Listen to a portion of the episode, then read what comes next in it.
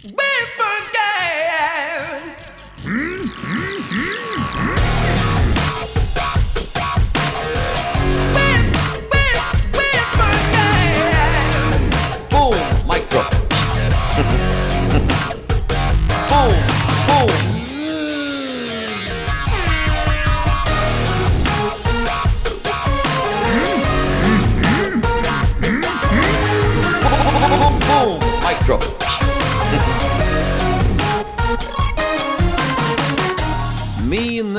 Damer og alle dere andre. Hjertelig velkommen til episode 71 av vår überschizofrene Star Wars-podkast. Jo da. Nei da, så. Ja, jeg sa det. Schizofren. Fordi sist gang vi hadde dagens gjest på besøk, så kasta vi rundt oss terningkast seks i alle slags retninger. Vi var i fyr og flamme av optimisme og fargerik ros. I dag derimot så kommer våre 3000 lyttere mest sannsynligvis til å få en ganske annerledes type energi fra oss tre som sitter bak hver vår mikrofon. Det er season finale. Vi skal snakke om The Mandalorian sesong tre. Og vi skal gi terningkast til både den siste episoden The Return og våre individuelle terningkast til hele sesongen. Men vi skal faktisk også snakke bitte litt om de tre kommende Star Wars-filmene, hvis vi får tid. Vi har nemlig mye på hjertet i dag. Ja, hjerte. Det er faktisk nøkkelordet i dagens sending. We truly speak from the heart. Eller hva sier du, Knut Luksen? Jeg snakker alltid med hjertet, utenpå. ja. Det Ja. dunker i stødig, taktfast tempo, spesielt etter uh, hotelltreningen i dag tidlig. ja Jeg måtte trene sant? litt for å komme litt bedre humør til uh, denne podkasten, for jeg var litt eh, Litt småskuffet, selvfølgelig, men eh, det har jo gått litt i en sånn bekymringsfull retning eh, utover i sesongen, da, for å starte litt på Men eh, jeg Ja, det har det. Det har det. er elsker jo Star. Wars, selvfølgelig, og har alltid motet oppe, og jeg har alltid noe å glede meg til. Så selv om ikke alt treffer like bra, så, så håper jeg at virkelig at det treffer mange andre. Det, Ja. ja. Det, det, det som jeg snakka om i forrige podkastepisode, jeg liker å si at jeg er en slags kronisk positiv person når det gjelder Star Wars, og jeg har trua helt til siste episode.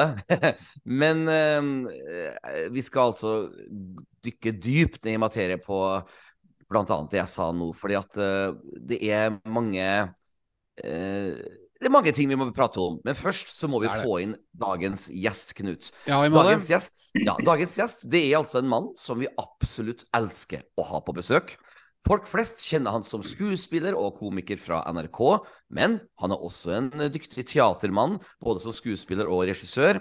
Dere så han kanskje i fjor på kino i rollen som kriminalbetjent Hermansen i filmen Olsenbandens siste skrik, men det aller, aller kuleste med denne mannen er jo så klart at han er en stor Star Wars-entusiast. Så, mine damer og herrer, ønsk velkommen tilbake for femte gang til vår funky podkast, Mister Vidar Magnussen! I can feel your anger, Vidar Magnussen. Gives Yeah, I you can see it. focus. Makes you Føler du mer nå? stronger. Fått mer skjegg òg? We would be honored if you would join us. Vidar Magnussen. Velkommen, Vidar. Tusen hjertelig takk. Jeg følte den introen her Nå ble, jeg motiv nå ble sinnet mitt mer motivert av den. Det er poenget.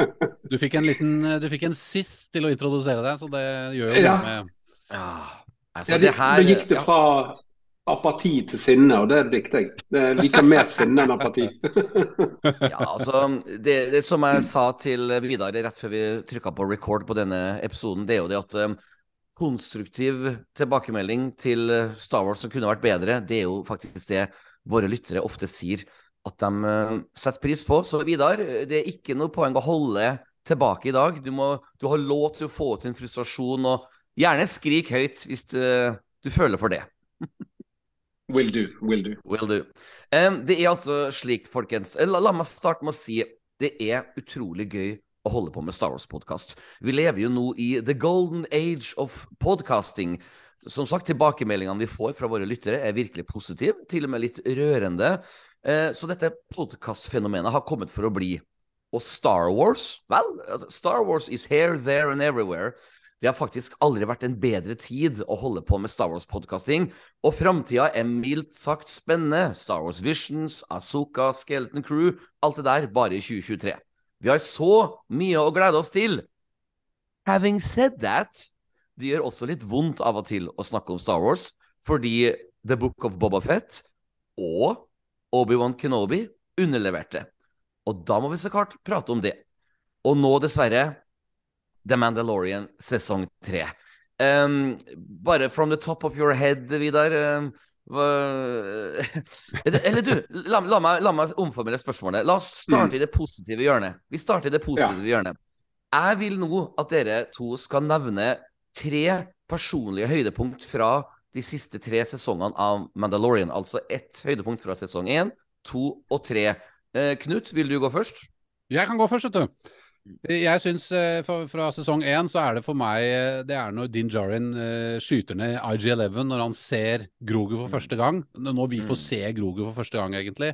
Det er en veldig rørende scene fordi at vi blir introdusert til han som en sånn barsk, stoisk dusørjeger, liksom. Og så ender episoden med en ganske kul actionsekvens, da. Men det ender jo med dette følelsesladde øyeblikket og denne liksom, krigeren med hjelm og rustning skyter ned en annen assassin droid fordi han ser et så uskyldig vesen. Det var, mm. det var høydepunktet fra sesong én. Fra sesong to så er det jo når Luke kommer, rett og slett. Det er ganske enkelt. Mm. Syns det var et mm. fantastisk høydepunkt. Og så kommer vi til sesong tre, hvor, som egentlig ikke har noen høydepunkter som matcher disse her, selvfølgelig. Har, det har jo noe med sesongen uh, å gjøre, selvfølgelig. Den klarer ikke å oppnå noen sånne høydepunkter. Men eh, jeg må faktisk jeg måtte jobbe litt for liksom å finne Det er jo flere gøyale ting i sesong tre, sånn på overflaten. Men det, hvis vi prøvde å finne noe som hadde noe mening, så var det denne mythosauren, som vi selvfølgelig ikke fikk se så veldig mye mer til, da. Eh, men den lille connection som Grogu kanskje bygde på slutten til denne mythosauren, eh, for meg var egentlig høydepunktet. For det var en sånn foreshadowing, foreshadowing av hva Grogu kan bety for fremtiden da, på Mandalore mm. og som karakter i Star Wars-universet. Så det blir ja. det eller Slash når Bo ser mytosauren under vann der ja. uh, i episode to. Så det er litt sånn todelt der, da. Men uh, ja, det, det, sier jo litt om uh, sesong tre. Ja. Nydelige svar likevel, Knut. Jeg kan jo bare kjapt si mine, for mine er veldig like dine. Altså I sesong én så er det altså første episode, de siste fem minuttene hvor Mando og IG-11 slåss sammen. Kameraet går rundt IG-11, som bygges opp til det klimakset hvor Mando oppdager Grogu, og så skyter han IG-11. Altså, det er vintage Star Wars. Det er rørende, det er spennende, det er nostalgisk, det er fantastisk. Ja, ja. Jeg liker ikke å bruke ordet genialt for ofte, men dette var virkelig genialt. I was hooked. I wanted the action figure. I wanted the Grogu doll. Eh, sesong to Siste episode, min favorittversjon av Luke dukker opp. Return of the Jedi-Luke. Knuser motstanderne, henter Grogu. Mando tar av seg hjelmen, ser inn i øynene på Grogu. R2 dukker opp. Mine frysninger fikk frysninger. Altså, Det hadde ikke engang noe å si at CJI-en ikke var perfekt. Jeg blir rørt og imponert. For sesong tre så er det faktisk Ahmed Best for meg som redder Grogu fra Order 66. I did not see that one coming. Jeg elsker slike sucker punch-overraskelser. Jeg ble rørt med tanke på hva Ahmed Best uh, har gått gjennom med sin private reise. Det viser bare mm. at Star Wars er mer enn bare filmer. Det er følelser. Star Wars er sitt eget medium. Det hadde ikke engang noe å si at uh, Ahmed Best ikke er verdens beste skuespiller. Jeg følte meg oppløfta en hel uke etterpå. What a redemption! Helt fantastisk. Nå vår gjest Vidar, hva var dine tre høydepunkt fra sesong 1, 2 og 3? Eh, vi er jo farlig nærmt hverandre alle sammen her, føler jeg. Men jeg tenker kanskje jeg kan, jeg kan, jeg kan ta mine nummer to beste opplevelser, ja. bare for variasjon. uh, uh, og det finnes det flere å ta av. Men uh, jeg er helt enig med dere, så det var egentlig der jeg lå òg. Men f.eks. i sesong én, når du blir presentert ganske tidlig til karakteren Quill, er det det han heter? Ja, ja, ja. Queel. Mm. Mm. Quill, ja. Han, og må, ja, ja, han uh, Norton. Ja. Mm. Uh, og han, måten de har lagd ansiktet hans på, med veldig, veldig avansert praktisk uh, uh, animatronics, eller hva det heter. Mm. Og, og, og, og måten han snakker på, de tar Nick Nolte inn. Ja. Han har et sånt helt spesielt vokabular der han Mm. avslutter med 'I have spoken'. Det er en sånn verdensbygging som er så den er så, den er så rik, og så er han så satt i universet. og han er så, jeg, jeg, bare, jeg ble forelsket i den karakteren og følte å herregud, skal de lage sånne karakterer? Ah, Da er jeg 100 med. ja. Uh, og det, det, var, det var en bare Selvfølgelig var det òg når de så Grogu, men, men den, den, den karakteren ble jeg skikkelig glad i. Og spesielt for å Eh, skyte igjen veldig veldig kjapt, altså spesielt når Quill dør på slutten av Ja. eh, episode syv der. I felt something. Da følte Ja, man jo virkelig du ja. Mm. Det er helt forferdelig. og, og Da, da Ja. har du rukket å bli glad i han. Og Ja. du ser liksom Du du får hele historien hans uten at han forteller altfor mye. Mm. uh, Mm. og han, han er med mye. Ja. Uh, Mm. og, og, og i sesong to så er det egentlig bare ja, andreplassen, og det er jo når Filoni-universet kommer i kraftfull Mm. pakke med Bo-Katan eh, og, og, og, og, ja, og Ashoka. Ahsoka. Ja. Når de kommer inn, da blir du Det blir bare helt sånn Oi, helsing, så jævlig tøft. Uh, Ja. Ahsoka enda mer. Mm. Det, Ja, det, er så, det er så veldig bra skrevne karakterer med alt. Og, og du blir bare ja, Nei, det var helt nydelig. I sesong Mm. tre eh, oh, Ja, skal vi se. Nå skal vi lete sinnssykt hardt. Eh, jeg var egentlig på samme som deg med at Mythosaur Ah. var veldig gøy. Eh, Mm. jeg mener Jeg syns at Mythosauren har noe av Det kan vi komme tilbake inn til, men den, den representerer òg den absolutt største svakheten til eh, manusskrivingen, syns jeg. Ja, det er jo Men, akkurat det. Ja. Jeg er så Ja. enig. Eh, men, men, men bare å se den var jo veldig gøy.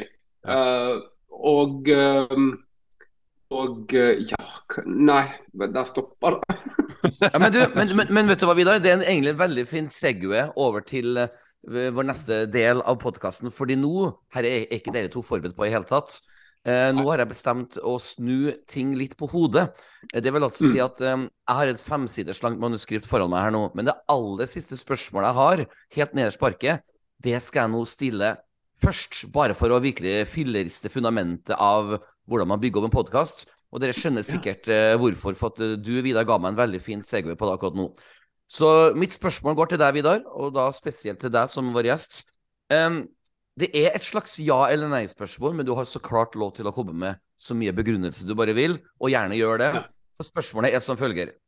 Burde The Mandalorian avslutta hele serien etter sesong to? Altså, altså når Luke tar med seg Grogu, og heisen lukker, og bom, avsluttes. fordi at da får jo vi på en måte We can leave everything else left to our imagination. Mm, Tror du det har vært en smartere ting, eller, eller Ja, det er et ja- eller nei-spørsmål. Um, hva tror du, Vidar? Eh, ja, det, det, det er veldig vanskelig å svare på det uten å si mer. Men hvis du vil ha svaret først, så Mm. er det ja. Det er ja, men det blir et veldig dumt og etterpåklokt ja. For jeg vet jo da hva som har skjedd etterpå. Når jeg så Luke Skywalker, når jeg så Din Jarren si ha det til Grogu, da hadde jeg ikke lyst til at det skulle slutte i det hele tatt. Nei. Da, hadde bra- jeg, bra svar, ja. da var jeg Jeg gråt for første gang noensinne i en Star Wars-sammenheng. Me too! Me too! og, og har aldri følt sterkere følelser. Men, oh, wow. men det som alt som har kommet etter connected med disse karakterene, har gjort en utrolig bra jobb til å ødelegge til og med sesong to. Ja, ja, ja, ja, ja. Og, Ja. og, Og det, og det var vi skal inne på på Boba Fett òg, men, men det er Ja, det korrekt. For det var det som var artig. Det har jeg notert meg at um, du var jo egentlig tidligst ut, Vidar, av alle Star Wars-fans jeg snakka med, med å faktisk kritisere um, poten, poten, de potensielle feilene Mandalorian sesong 3 kommer til å gjøre, pga. det du sa under Book of Bobafett-podkasten. For du sa jo at her har du altså Luke og, og Grogu, og du får liksom gjenforeninga. Eh, Og du mente at det var helt feil, og det, det mener jo 100% av Star Wars-fans nå. Og, så Mm. der var du tidlig ut, Vidar. Eh, Men som vi snakka om på vår eh, chatgruppe for noen måneder siden, det var jo egentlig flere, feil sesong tre gjorde i starten? Er, er, du ikke enig med tanke på å bygge opp uh, alt rundt The Dark Saber og uh, Eller generelt, la oss bare prate om det før vi går liksom inn i siste episode. Um, mm. Hvilke feil føler du, Vidar, ble gjort, uh, store feil, so to speak, ble gjort i sesong tre? For de, de, er mange og varierte. Ja, de er mange og varierte. Og, nei, det er én ting jeg tenk, har tenkt mye på, og som, uh, som, er, uh, som jeg finner veldig problematisk, og som er der episode Nei, der sesong tre av Mandalorian uh, gjør et ekko av Book of Bobafett. Mm. og det er at For det første, det er to ting. De lanserer ingen skurk. Mm. Så det fins ingen uh, motvekt til uh, antagonistene. Det, mm. det, det, det, forstår jeg ikke hvorfor de gjør. For det, mm. mm. det er så mange tomme episoder. Fordi at du ikke vet hva du skal frykte, og det er ikke sett noe stakes i det hele tatt.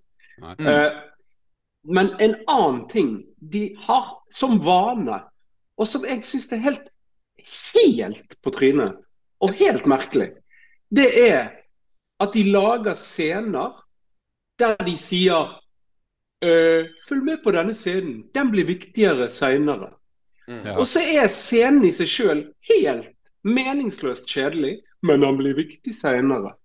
Og de klarte til og med å lage en hel episode om dette blir viktig seinere. Som, ja. som, ikke ble viktig seinere, for du trengte ikke han i det hele tatt. Du trengte han som en Han kunne vært én setning. Men de lager sånne scener som blir viktig seinere. Som om det blir et sånn puslespill du skal pusle sammen. Mm. Og så tenker jeg å, nå blir jeg tilfredsstilt fordi at puslespillet går opp. Ja, men det var jo ikke noe dramatikk i det puslespillet. Nei, nei. Det bare et flatt papp-puslespill av scener som skal gå opp til slutt. Ja, ja, ja. Det er ingenting. Det er så morsomt å si bare... puslespill. Ja. Mm.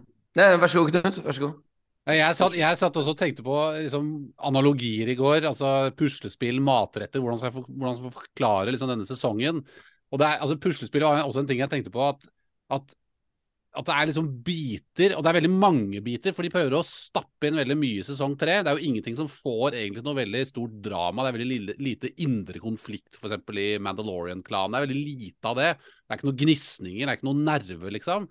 Og så føler jeg liksom at det er bare strødd masse puslespillbiter utover bordet mitt, og så må jeg liksom tvinge det litt på plass. Ja, fordi at, det, ja. fordi at de får liksom ikke nok De passer liksom ikke. Altså, noen passer her og der, sånn som Vidar sier selvfølgelig. at du, du Ok, det stemte kanskje med det, men, men du føler liksom ikke at det, det får noe sånn Altså I Andor så føler du at alle stiene som blir tråkket opp i historien, det lander et sted til slutt, ikke sant? Ja. Mens her så føler du at alle de stiene de går i helt merkelige retninger, og så bare ender du opp i en eller annen eng midt i skogen og aner ikke hvor du er, liksom.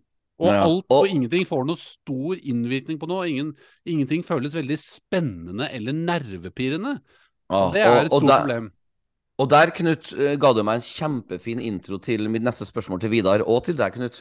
Det er altså at um, Jeg sa jo nesten som litt sånn som en spøk for noen måneder siden at uh, Andor var så bra for meg at jeg faktisk tenker på Andor enda av og til, for jeg er satt ut over hvor bra dialog det var, og all den spenninga. Og så sa jeg som en spøk til en kompis at Andor er så bra at det kanskje har ødelagt uh, for uh, andre Star Wars-serier, for at uh, det blir mer synlig, da, f.eks. på Mandalorian sesong tre, hvor bra Andor var. Er, ja, er, det noe du også tenker på videre? Jeg tror kanskje vi var litt innom det faktisk eh, når du var gjest sist gang også, at uh, Andor har løfta altså Sånn som Tony Gilroy med sin Jason Bourne-bakgrunn. Og jeg, jeg syns faktisk helt ærlig og oppriktig at hver episode av Andor var bra. Uh, og jeg gleder meg neste uke. Og her har jeg egentlig bare hatt et stort spørsmålstegn i hodet, med et sånn naiv positivisme hvor jeg bare Ja, men det, det, det, det de vet hva de holder på med. Så. Ok, la, la, meg eh, spørre deg, Vidar. Den episoden som jeg tror det hinta til i stad, med Dr. Pershing, hvor han er på Coruscant Jeg er jo så sær og rar at jeg faktisk likte den episoden veldig godt, fordi den var litt Andor-ish. Ja, um, um, føler du, bare for å gå tilbake til originale spørsmålet, føler du, Vidar, at Andor har vært med på å virkelig sette eh, skapet på plass på hva, hva ekte kvalitet innenfor Star Wars egentlig er? Å, det er vanskelig. For det, ja, vi var euforiske når vi snakket om Endor. Men jeg syns det er et veldig irriterende skap å sette på plass, i så fall. Mm. Fordi at det er det er mange ting ved Endor som ikke er magisk nok for meg når det gjelder Star Wars. De, de Mm. tok ikke inn nok karakterer som var spennende, som var Altså, de har ingenting med The Force. De har ingen De har noen helt fantastiske preachers nede på den øyen når, når, når, uh, når Mr. Hove, når uh, Cassian og han andre uh, flykter på slutten der. Så møter jo ja. de to nesten sånn Ja, de, de så de virke, det, det var sånn Ringenes herre-følelse på dem. De var så, de var så gjennomarbeidet, de to karakterene. Eh, så Ja, der var de absolutt innom det, men, men altfor lite. Så, det, så, så magien ved Andor Jeg skjønner fremdeles at Andor kanskje ikke ble sett av så mange. Eh, fordi at den, den, den tar vekk litt av den magien som Mandalorian prøver å gjøre i hver scene, men feiler så Ja. voldsomt med. Men, men, Ja. men så, så, så det Jo, Andor har gjort det vanskeligere. Og i, da vil jeg svare den Dr. Pershing-episoden den ble ganske tidlig ødelagt. Fordi at det var en scene der de sa «Eh, Skal vi skåle med hvit, hvit væske? Vi skåler med hvit væske. Ja, Da skjønte jeg at de skulle bare møtes, og så, og så møtes to som har jobbet med Moff Gideon. Og så snakker de om biscuits, og så skjønner jeg OK, hun Det var så jævlig Unnskyld. Det var så, det var så det var, noe, det var ikke noe magi rundt dialogen i det hele tatt. Du vet bare Oh, this is the scene where she gets to go give him biscuits. Det er så enkelt. Og, og, det, og det, det er ingen Det, det er bare sånn én-til-én-prat. Så det Mm. Nei, det, den, den episoden der Drittkjedelig. Unnskyld. Okay. Og, og Star, ja, men- ja, Wars, men- Star Wars er jo bedre enn kjeks. Ja, Ja, ja, ikke sant. Og- det var det ingen som alle ble helt stille. Ja. Altså jeg, jeg personlig Ja. likte jo den episoden, eh, men den er, den er mislikt av mange. Jeg tror den, den var jo litt schizofren, den episoden også, så den, den er, Ja. det er jo ikke den høyest rated episoden. Men, men jeg, jeg likte den, da. Men, men det er jo som sagt, eh, som eh, Vidar sier, den, den, den går jo ikke en vei hvor du føler at det som har skjedd Du får jo ofte sånne previews av episoden, og så var det jo bilder av Dr. Pershing før en av de siste episodene her nå, men vi får jo ikke se noe mer med han og hans skjebne. så ting blir veldig hengende løst i lufta da, eh, også. Så jeg Mm. føler at det ting som skjedde i den episoden, får man ikke liksom ordentlig payoff fra på slutten. Og jeg føler at eh, alt disse klonegreiene som han sto og snakket om på begynnelsen her, var veldig interessant med Dr. Pershing og hva, at han gjorde det for Mm. et individ. Da tenkte jeg først ja, det er Palpatine han snakker om, men det er faktisk eh, Moff Gideon han snakker om. Moff Gideon virker som han er en person som vil egentlig kapre imperiet for seg selv, og han skal vise at han er den beste til å klone, han er den beste til å krige, han er den beste warlorden, han er best i alt, liksom. Han er litt Og- Trump. Ja. Ja, men så føler jeg liksom at hvordan har han Altså, han har jo egentlig klart å fullføre dette kloneprosjektet før Palpatine. Altså, han har gjenskapt seg selv med The Mm. Force, liksom. Og, de, Mm. og, og, og Palpatine sitter og bruker 30 Som er liksom the Sith Lord of all Sith Lords, så har han brukt 30 år og Long have I awaited. Og så er det kommet en moff eh, før deg, liksom, som heller ikke Han var jo så jævlig opptatt av å få tak i Grogu. Han mista jo Grogu til slutt, i sesong to. Mm. Så han har jo ikke hatt Grogu, Mm. men han har jo klart å fullføre prosjektet sitt for det. De klonene var jo ready to go, sa han. Eh, men de fikk ikke puste sitt eh, første pust fordi Grogu og Mando klarte de, skru, de skrudde av de beholderne ut Det var ikke noe passord, ikke noe encryption. Moff Gideon gjemte seg bak den døren hvor de kostbare klonene sine var. På en sånn dum måte å stå der uten hjelm når, når Altså, det, det, det er så mye Det er ikke noe oppmerksomhet rundt detaljene i manuset, da. Det er det som er problemet. Og, og nok en gang, gutter, så gir dere meg veldig fine overganger til um, neste del av det vi skal prate om. Og det er jo så klart uh, sesongfinalen, episode 8, chapter 24, uh, The Return. Og nå skal vi altså, Siden Knut allerede begynte å snakke om den episoden nå. Og um, jeg kan jo bare starte med å si at uh, i mine notater så starter jeg med å skrive Oh lord, den svakeste season finale ever. Så det er litt sånn litt usaklig skrevet, kanskje. Men det jeg egentlig prøver å få frem, er at jeg synes Jeg er veldig spent å spørre deg, Vidar, siden du er skuespiller og jobber med film. Eh, jeg skrev en sånn hashtag 'rushed'. Altså alt er så rushed. Det, det går så fort i svingene. Og episoden er altfor kort. Det er null plass til å puste. What the fuck, har jeg skrevet. Er det noe du også tenkte på, Vidar, når denne sesongfinalen kom, at uh, her har de det travelt? La meg komme med et eksempel. Grogu plutselig redder Mando. Da begynner hjernen min automatisk å tenke hvordan kom Grogu seg til den avdelinga hvor Mando var? For det var jo stengte dører. Altså, jeg, jeg, vil gjerne se slike ting. Jeg vil gjerne vite ja. slike ting. Tenker jo likedan som meg, videre, at uh, du blir litt sånn satt ut av Groger bare Å nei, han bare plutselig bare kom i løpet av første tre minuttene av episoden og, og redda Mando. Da var den spenningen bort. Eller har jeg gått glipp av noe, Vidar? Nei, du, du har helt rett. og det, det var jo det var jo interessant å se alle de teoriene før den siste episoden. og de teoriene, ja. Det var mange av de teoriene som var kjempespennende, og som var ja. Ja. Og kanskje til og med Din Jaren skal dø. Og, ja, og herregud, for en Jeg, jeg forberedte meg på Så jeg, jeg, jeg, satt jo liksom sånn Å, oh shit, nå, nå, kommer vi så tidlig til uh, Din Jaren. Og Det er kanskje litt bra. Og så kommer Grogu, og så var det bare Å ja, de skal leve langt videre. Det er ingen, Ingenting skal skje med de. Nei. De kan ikke ha en sånn scene, og så skjer, skjer det. Ja. Altså, det problemet så, her er at Din Jarner slipper, han slipper jo unna med en gang. Han har, han, har, han har, vært fanget i noen minutter! Noen minutter, folkens! He, he, wasn't even taken to questioning. Det hadde jo vært en spennende scene, bare det. Ja. Det minner meg om i Obi-Wan når, når, eh, når eh, når, hvem er det som blir tatt til ja, Det er jo Obi-Wan som blir tatt til fange av noen stormtroopers, og sender han inn med to stormtroopers bak en dør. Sånn at ja. Darth Vader må gå inn i den døren og finne han der, liksom. Bare for å gjøre det. Det er sånn enkelt komme seg fra A til B i manuset uten å ha noe, egentlig noen gode ideer på hvordan de skal komme seg ut. Hvordan skal du knyte opp en vanskelig knute? Du må tenke, og du må tenke ja. for å lage et godt manus. Og jeg, jeg, jeg tenker at det, eh, her skjer det samme.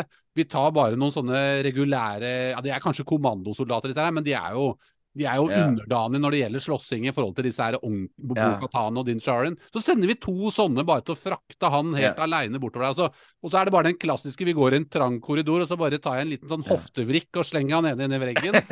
og så dukker Grogu sånn beleilig opp. Og det er problemet at det, yeah.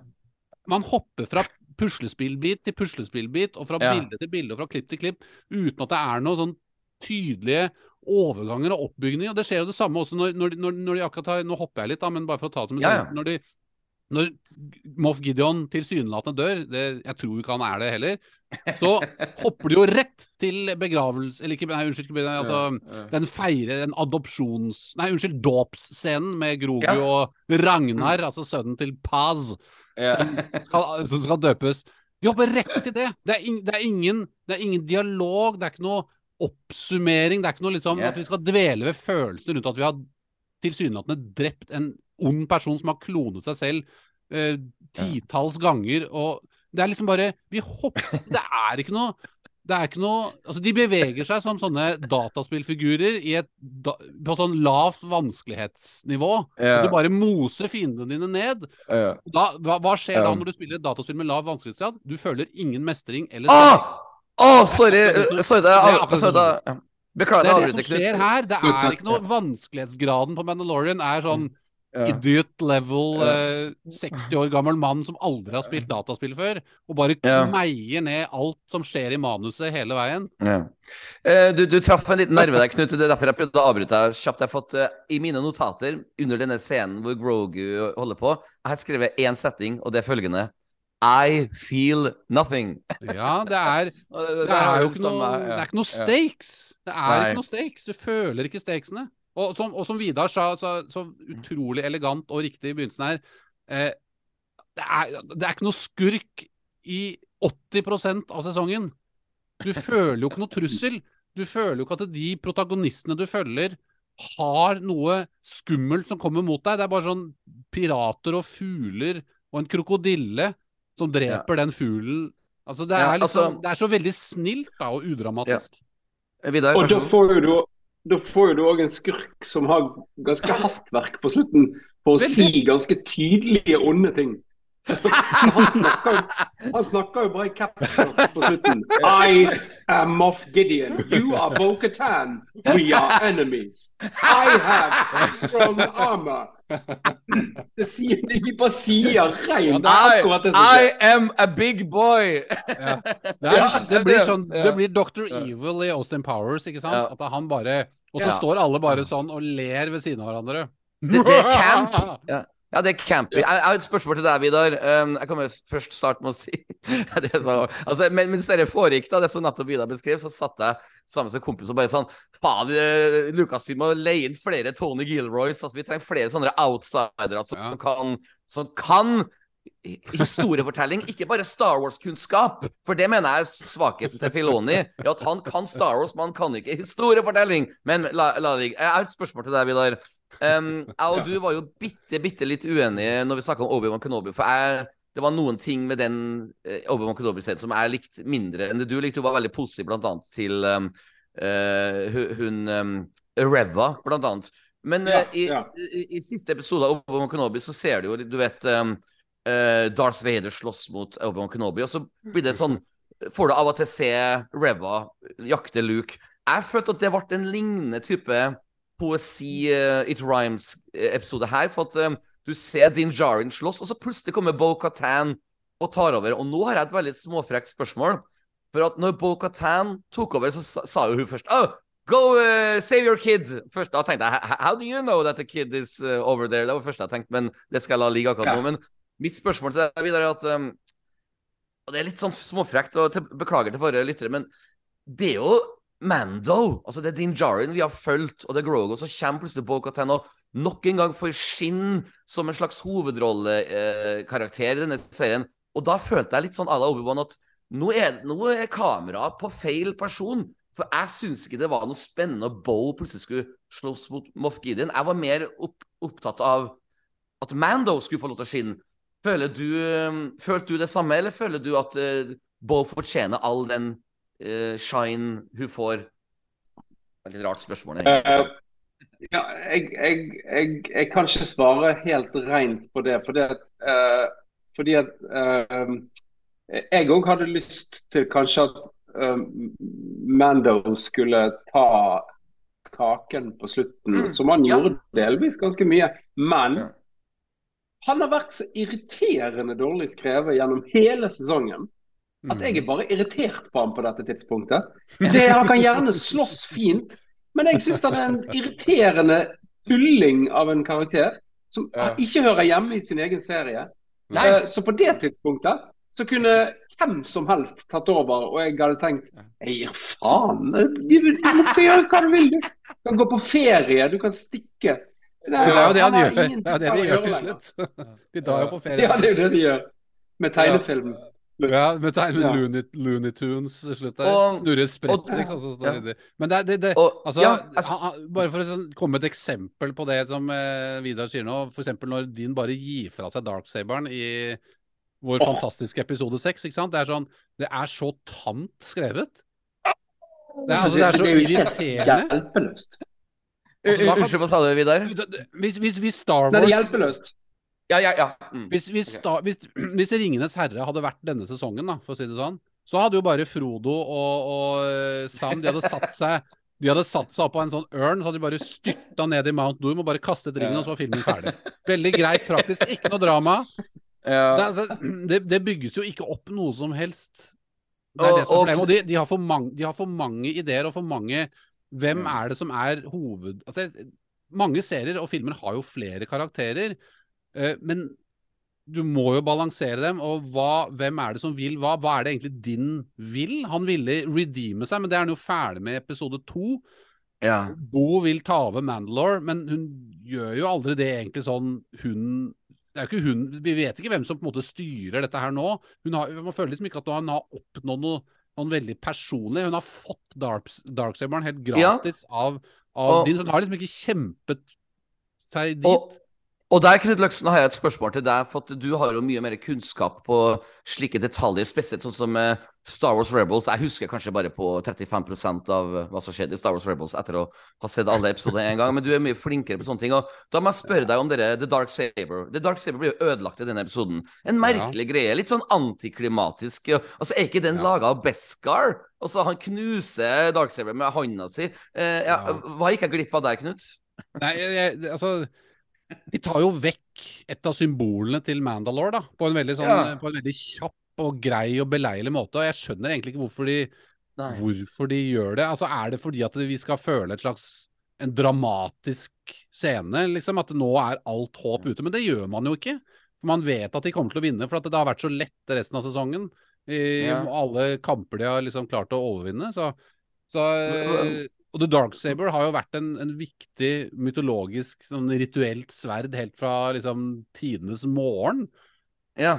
Og For at, eh, eh, at han kan ødelegge ja. det så lett, det syns jeg, synes jeg var veldig, veldig underlig.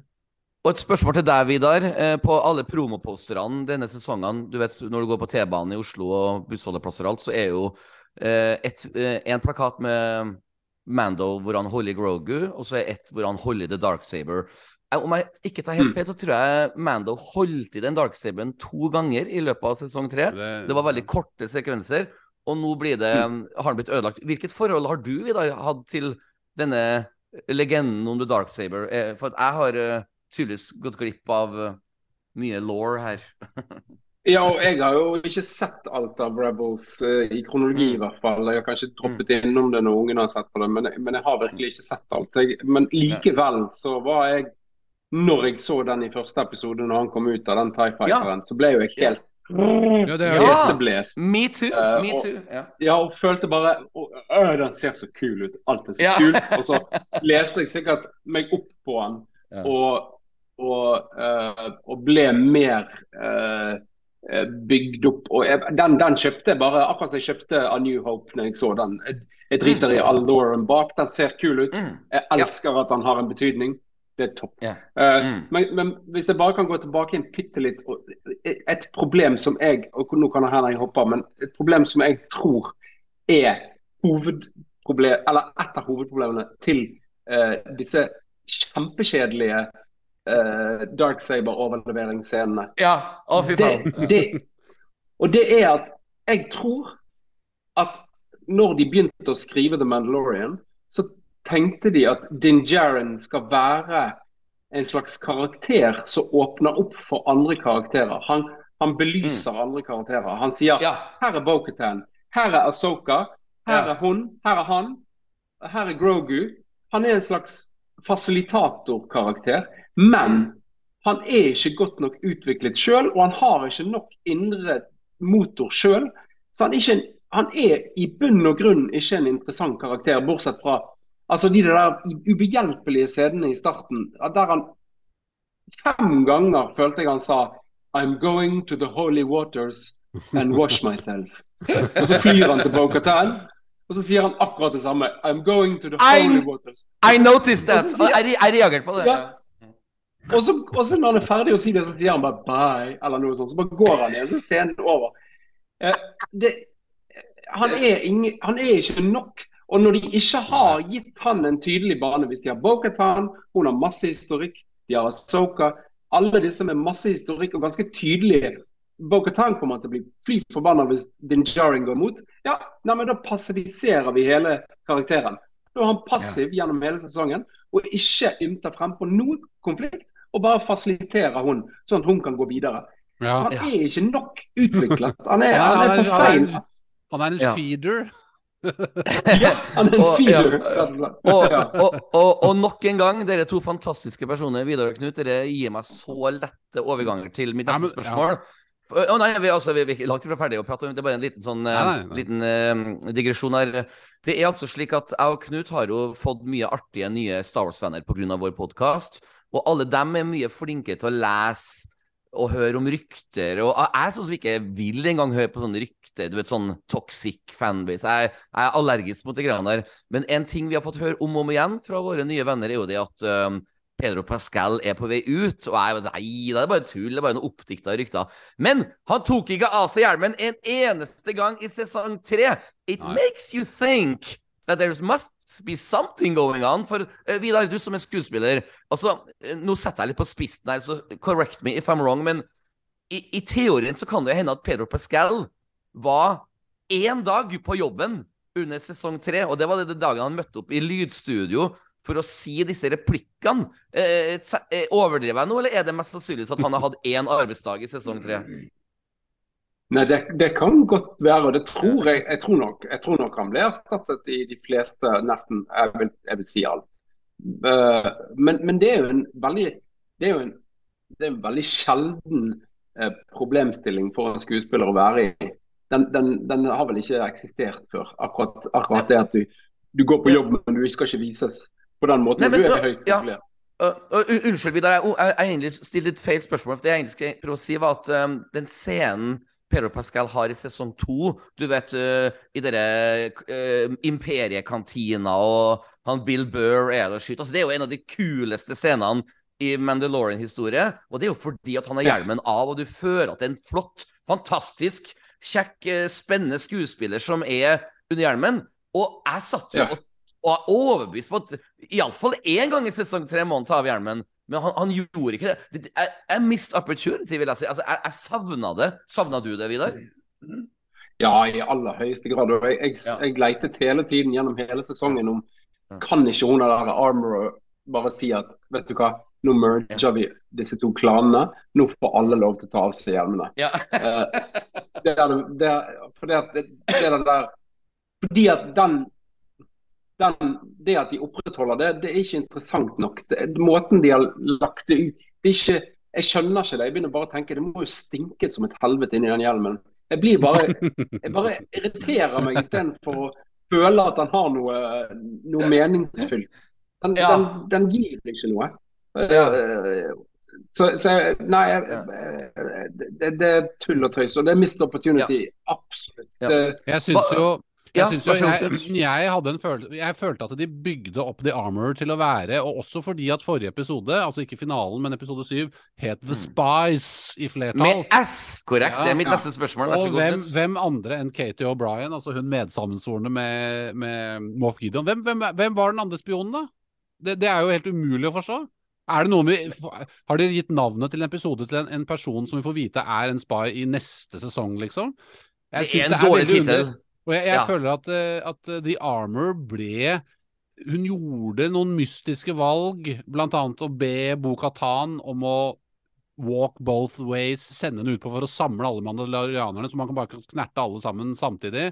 Måten hun stakk mm. av på i forrige episode, episode 7, ja. var også mistenkelig. Og så hadde hun mm. disse hornhjelmene, og hun var, hun var en, en, en, mystisk uh, karakter, da.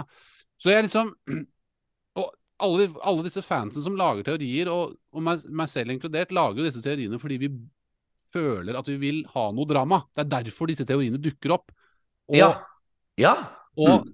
jeg tror at ser, i mangel på at det har vært noe særlig drama i sesongen, så tror jeg det er flere som lager teorier og dramatiske ting oppi hodet sitt, fordi det mangler det i sesongen. Det, det, er, jo vi, det er, jo noe, det er jo noe vi craver. Vi, vi vil ha twister, sjokkerende opplevelser, dramatiske hendelser. Jeg følte til og med at Jeg tenkte, det var jo bare en, jeg fortsatte å spinne på den tanken. Jeg tenkte at ok, kanskje Armour er en forræder. Kanskje hun er en kjent uh, karakter fra før av som har vært undercover, undercover hele veien. Kanskje mm. hun da, uh, når, hun da, når det viser seg at hun er en forræder, så vil da resten av hennes klan Nei, vet du hva, vi tar av oss hjelmene. Vi skal ikke gå denne veien. Hun er en stor forræder. Så, kunne det vært et poeng, da, som lagde en spennende scene. Men uh, det skjer jo ikke. Bare en kjapp ting. Når jeg tok flyet i morges eh, og fløy til Trondheim, så satt jeg og bare tenkte om Mandalorian, og så begynte jeg å gå litt på YouTube og se disse teoriene folk hadde fra forrige episode. The Spice, hvem kan være The Spice? Og det kom ti kjempegode teorier opp, og, teorier opp, og da begynte jeg å humre for meg selv. For jeg tenkte, hvis Dave Filoni og John Favreau ser de klippene, så kjenner han til å tenke Oh, shit, that was a good idea. Why didn't we do that? For, det, for det, det, de hadde jo ingen gode ideer sjøl. Og det, er, det der egentlig min frustrasjon. For jeg vil jo gå så langt å si at um, til og med når uh, Moff Gideon dør, så føler jeg ingenting. Uh, det, når Grogu lager en ring rundt flammene, rundt kraften, det syns jeg er fin. Ja, uh, fin the hand thing. Der, mm. Ja, do the hand thing. Og her er da eh, en, nok en liten sånn en digresjon jeg har til dere. Jeg laga meg en kjempekort liste over ting jeg faktisk likte med denne episoden. Det er ikke mye, men det er litt. Så jeg skal bare ramse opp hva jeg liker, og så kan dere uh, hoppe inn og si hva dere mener. For at, um, det er jo veldig mange på internett som har kritisert at R5 i det hele tatt er med i denne sesongen. Jeg personlig syns det er akkurat sånn passe type fanservice, for du vet R5 hadde jo en bad motivator i A New Hope, så jeg syns det var en veldig sånn en søt måte å få han med. Og, eh, jeg- og, og jeg lo faktisk høyt når den lille mouse-droiden henta vennene sine for å prøve å stoppe R5 der. Og det er kanskje min, det er kanskje min favorittscene i hele eh, episode 8. Og, og så må jeg også si at hvis Ja, ja, så artig. Takk. takk. Jeg, jeg, jeg, jeg lo høyt. Jeg lo Ja, faktisk det var morsomt når de kommer tilbake Ja. med sirenene, av det er flere Ja, ja, ja. ja. Og, og, jeg- Ja, og, ja, ja. å, gud. Jeg, jeg, jeg satt virkelig og tenkte å gud, det her er sånn deilig Star Wars. Jeg, Men det jeg er- sånn varm. Ja. Det har vært noen morsomme scener i denne sesongen. her Det, skal, det er litt som i Rise of Ja. Skywalker, at C3PO er veldig morsom i Rise of Ja. Skywalker. Og det føler jeg litt i denne sesongen her. Det er, Ja. det er en del gode humorideer underveis i historien Ja. som jeg syns var kanskje morsommere enn foregående sesonger. og- da. Så de har i hvert fall og- det. da.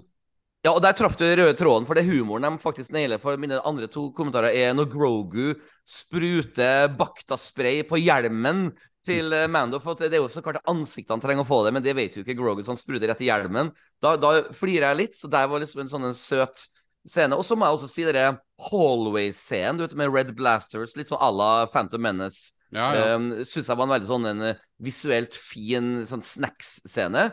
Og sist, men ikke minst, Tie Fighter-ene, når de på en måte eh, eh, henger fra taket, litt- à la flaggermus, og så begynner å fly.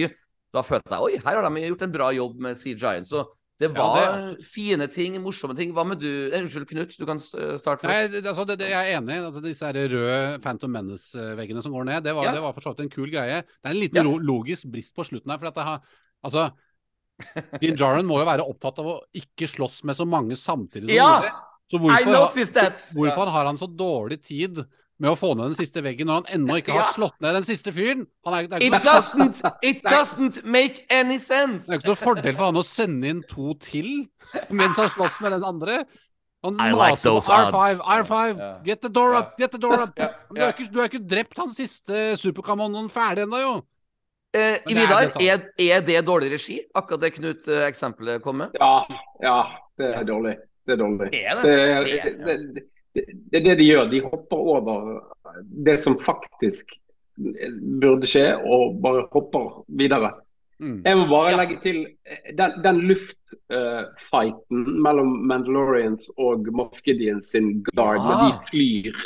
Det var Ja. helt sinnssykt kult. Det var helt vilt kult. uh, det at det var en sånn airfight. Uh, det syns jeg var helt magisk. Eh, men så må jeg bare si én ting. Jeg, jeg føler For det uh, Jeg vet ikke om Jo, alle vi tre har erfaring med eventjobber. Altså man blir leid inn av et firma, og så er det noe sånn løs underholdning her.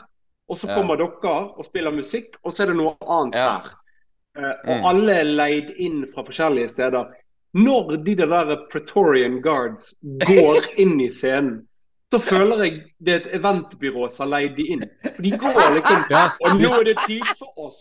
ja. Nå skal vi gjøre Nå har vi fire minutter med eh, innslag her. Og så er vi ferdige og har løst ut kontraktene. Takk, Kiwi. Da har vi gjort vårt. Eh, kan booke oss på eventpretorianguards.no. Event malplassert. Ja, de, de ser veldig kule ut, men de, og det, det som er morsomt, er at de gjør jo det samme i forrige episode. Når de skal ta, når de skal ta Paz Visla, så står de sånn usynlig i et sånt hjørne. Og så, og så kommer ja, og så kommer de ut på en sånn derre Det er så style over substance som det går an å få blitt. Det er helt gutter. idiotisk. Et ordspill. De, de står Gutter, de står og eventer. Thank you. I'll be here all night. Ja, Ja, men det, det, der- der, Ja, men det det der, de står virkelig og venter, for de, Ja, og så går ja. de litt sånn rolig inn. Sånn, ja, det, nå var det oss, ja.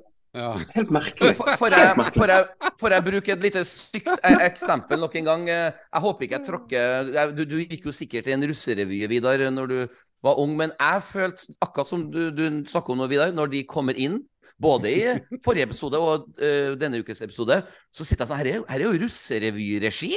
ja. Så sitter jeg og sier Ja. sånn, og, ja, så Du brukte jo det herlige event-eksempelet, men jeg tenkte sånn Det her er russerevyregi. Det, det, det, det, hva Rick Famijua eh, har regissert en av mine favorittepisoder tidligere i sesong 1 og 2, og det her er dårlig!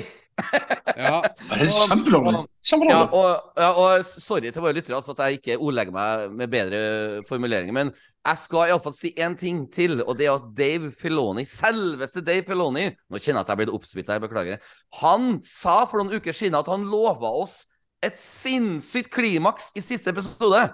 Sånn må du ikke si til meg, for da begynner hjernen min å vandre. Da begynner jeg å tenke sånn Ja, de har nettopp spilt Lucasfilm har nettopp spilt inn Indiana Jones. De har nettopp gjort noe CGI med Harrison Ford der. Kanskje man har fått inn Harrison Ford en dag eh, på, uh, til Mandalorian. Kanskje han dukker opp. Kanskje Mace Windu dukker opp. Kanskje Leia dukker opp. Kanskje Luke kommer tilbake. Kanskje Boba Fett.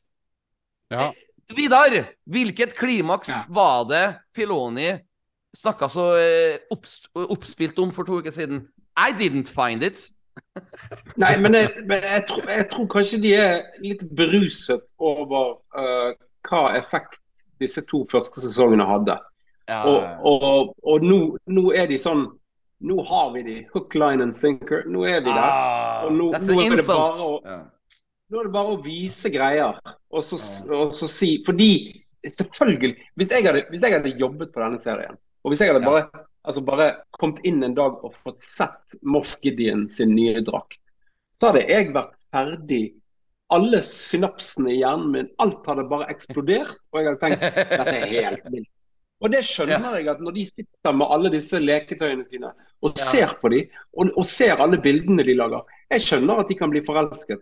Men oppi Mm. alt det, så har historiefortellingen bare totalt forsvunnet. Og, og da er det ikke For vi, vi som sitter her hjemme i stuen og ser på dette, vi, vi, er, vi er vant til den type vakker, visuell eh, eh, Mm. ja, fargelegging. Og da, da må vi ha noe mer. Jeg, jeg ser mye heller på eh, andre serier som ikke har noe effekter, men som har noe innhold. Åh, enig. Og den- ja, og ja. dette Nei, denne Ja. Jeg vet ikke hva som fikk de til side. For det var Det var Nei. jo en episk kamp, men for min del så Ah. var egentlig Moff Gideon nøytralisert i, i sesong to. Jeg syns Ja. det er litt flaut å ta han tilbake igjen. Det funker Ja. ikke for meg. Nei, jeg jeg, jeg, jeg, kjøper ikke det. I hvert fall ikke på den måten. Da må du gjøre noe mer. Det virker som de på en måte har bare én kul idé. Altså, han kloner seg selv. Det viser de bare på slutten i et sånn kjapt øyeblikk, istedenfor å gjøre noe mer ut av det. Altså, han kunne jo f.eks. ha hatt flere av klonene sine Kanskje han kunne ha utplassert dem på noen steder og lurt kanskje sine egne warlords, eller lurt noen andre personer til å tro at han var andre steder, og gjort faenskap rundt omkring.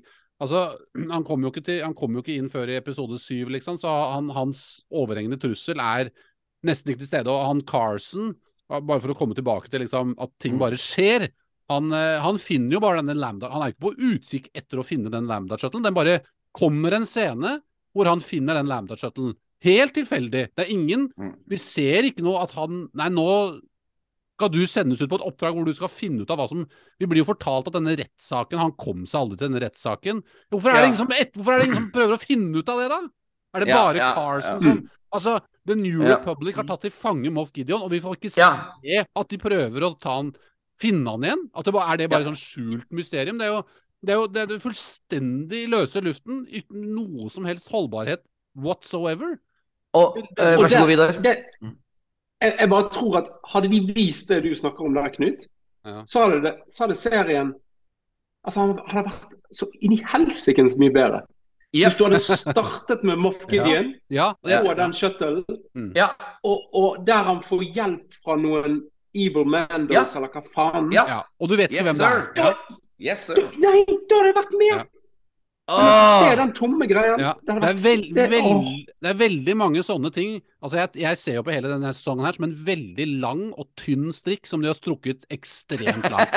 Og det er det det er. Det må være det, det, det, det, har, det, har, sprukket for meg. Den strikken Ja, har sprukket. Ja. Ja, Ja, og, og, og ja. det er veldig det, er, det er flere eksempler, men jeg føler det er veldig mange ting inni serien som skulle ha skjedd tidligere. Jeg føler det er kanskje 20% av hva som har skjedd i denne sesongen jeg syns er materie jeg er interessert i, som burde ha skjedd først, og som burde ha vært 80 Ja. som ikke fins i denne sesongen, som burde ha kommet etter.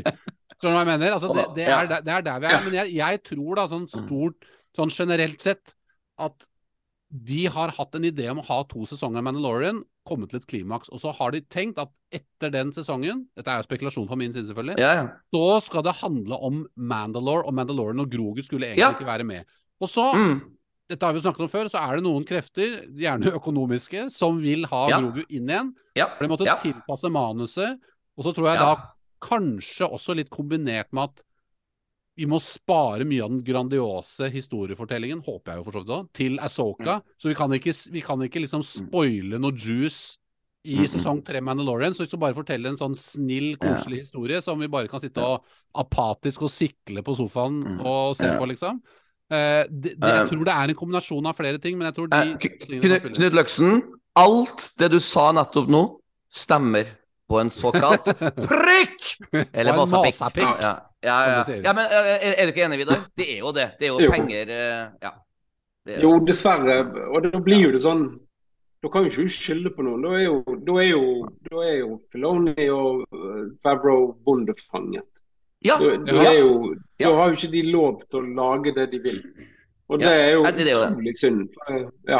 ja. Det, det er Det- det jeg altså- føler. Og John altså, Farrow har jo skrevet mest av disse episodene her. Jeg tror ikke Filoni Ja. har skrevet så mye denne sesongen, jeg husker ikke helt i farta. Ja. Men, men jeg føler jo at det, de har jo sagt at Grogu skal gjøre mer denne sesongen. Og ja, han gjør fysisk sett mer ting. Men for plottet, for hovedhistorien, Ah. Mandalore, Ah. Jedis og Mandalorians, så kan jeg komme Mm. på to ting. Han, han, Ja. han stoppet pass, han, han stoppet pass når han var dårlig i sjakk. ja, ja. Og så, Ja. og så så han inn i vannet på den mythosauren helt på slutten og fikk sånn connection at han er den Ja. som skal styre. Men det Ja. blir jo så lite. Det blir jo så Ja, ja. latterlig lite. Han blir en sånn cash cow Ja. gjennom hele sesongen og være søt. Ja. Og, og han er jo en kjempemorsom karakter, og det er gøy når han trykker på Ja. no, no, yes, yes, yes inni ja jeg, lo, lo er høyt. eh, Det, det er veldig morsomt. Men det blir, jo, masse. Ja, det blir jo morsomme ideer, morsomme Star Wars-ideer, Mm. plassert inn i en kjempetynn force. Den er trukket Ja. med the force utover, den strikken. Ja. Nei, altså, jeg kan bare Ja. si kjapt at uh, om ca. ti år, når det skrives en offisiell eller uoffisiell bok om uh, denne perioden her om Star Wars, så er jeg faktisk 100% sikker på at uh, det Knut nettopp sa, med hva som egentlig skjedde med å få inn uh, Altså, vi må få Grogu tilbake i sesong tre, derfor putter vi den inn i boka Boba Fett. Alt det der som kan garantere stemmer. det. Kan garantere. Ja. det. 98 sikkert at det, har- Ja, at det ja. har skjedd. Altså. Uh, gutter, Ja, vi skal gå litt videre. er Eh, en, en annen ting jeg har skrevet som er et lite nøkkelord her, er 33 minutter sesongfinale, har jeg skrevet, med Ja. utropstegn. For det er faktisk Ja. 33 minutter den varer. Eh, for dere må ikke tenke på rulletekst og sånn, det er jo fem minutter bare det. Eh, jeg mener jo at disse episodene må være lengre.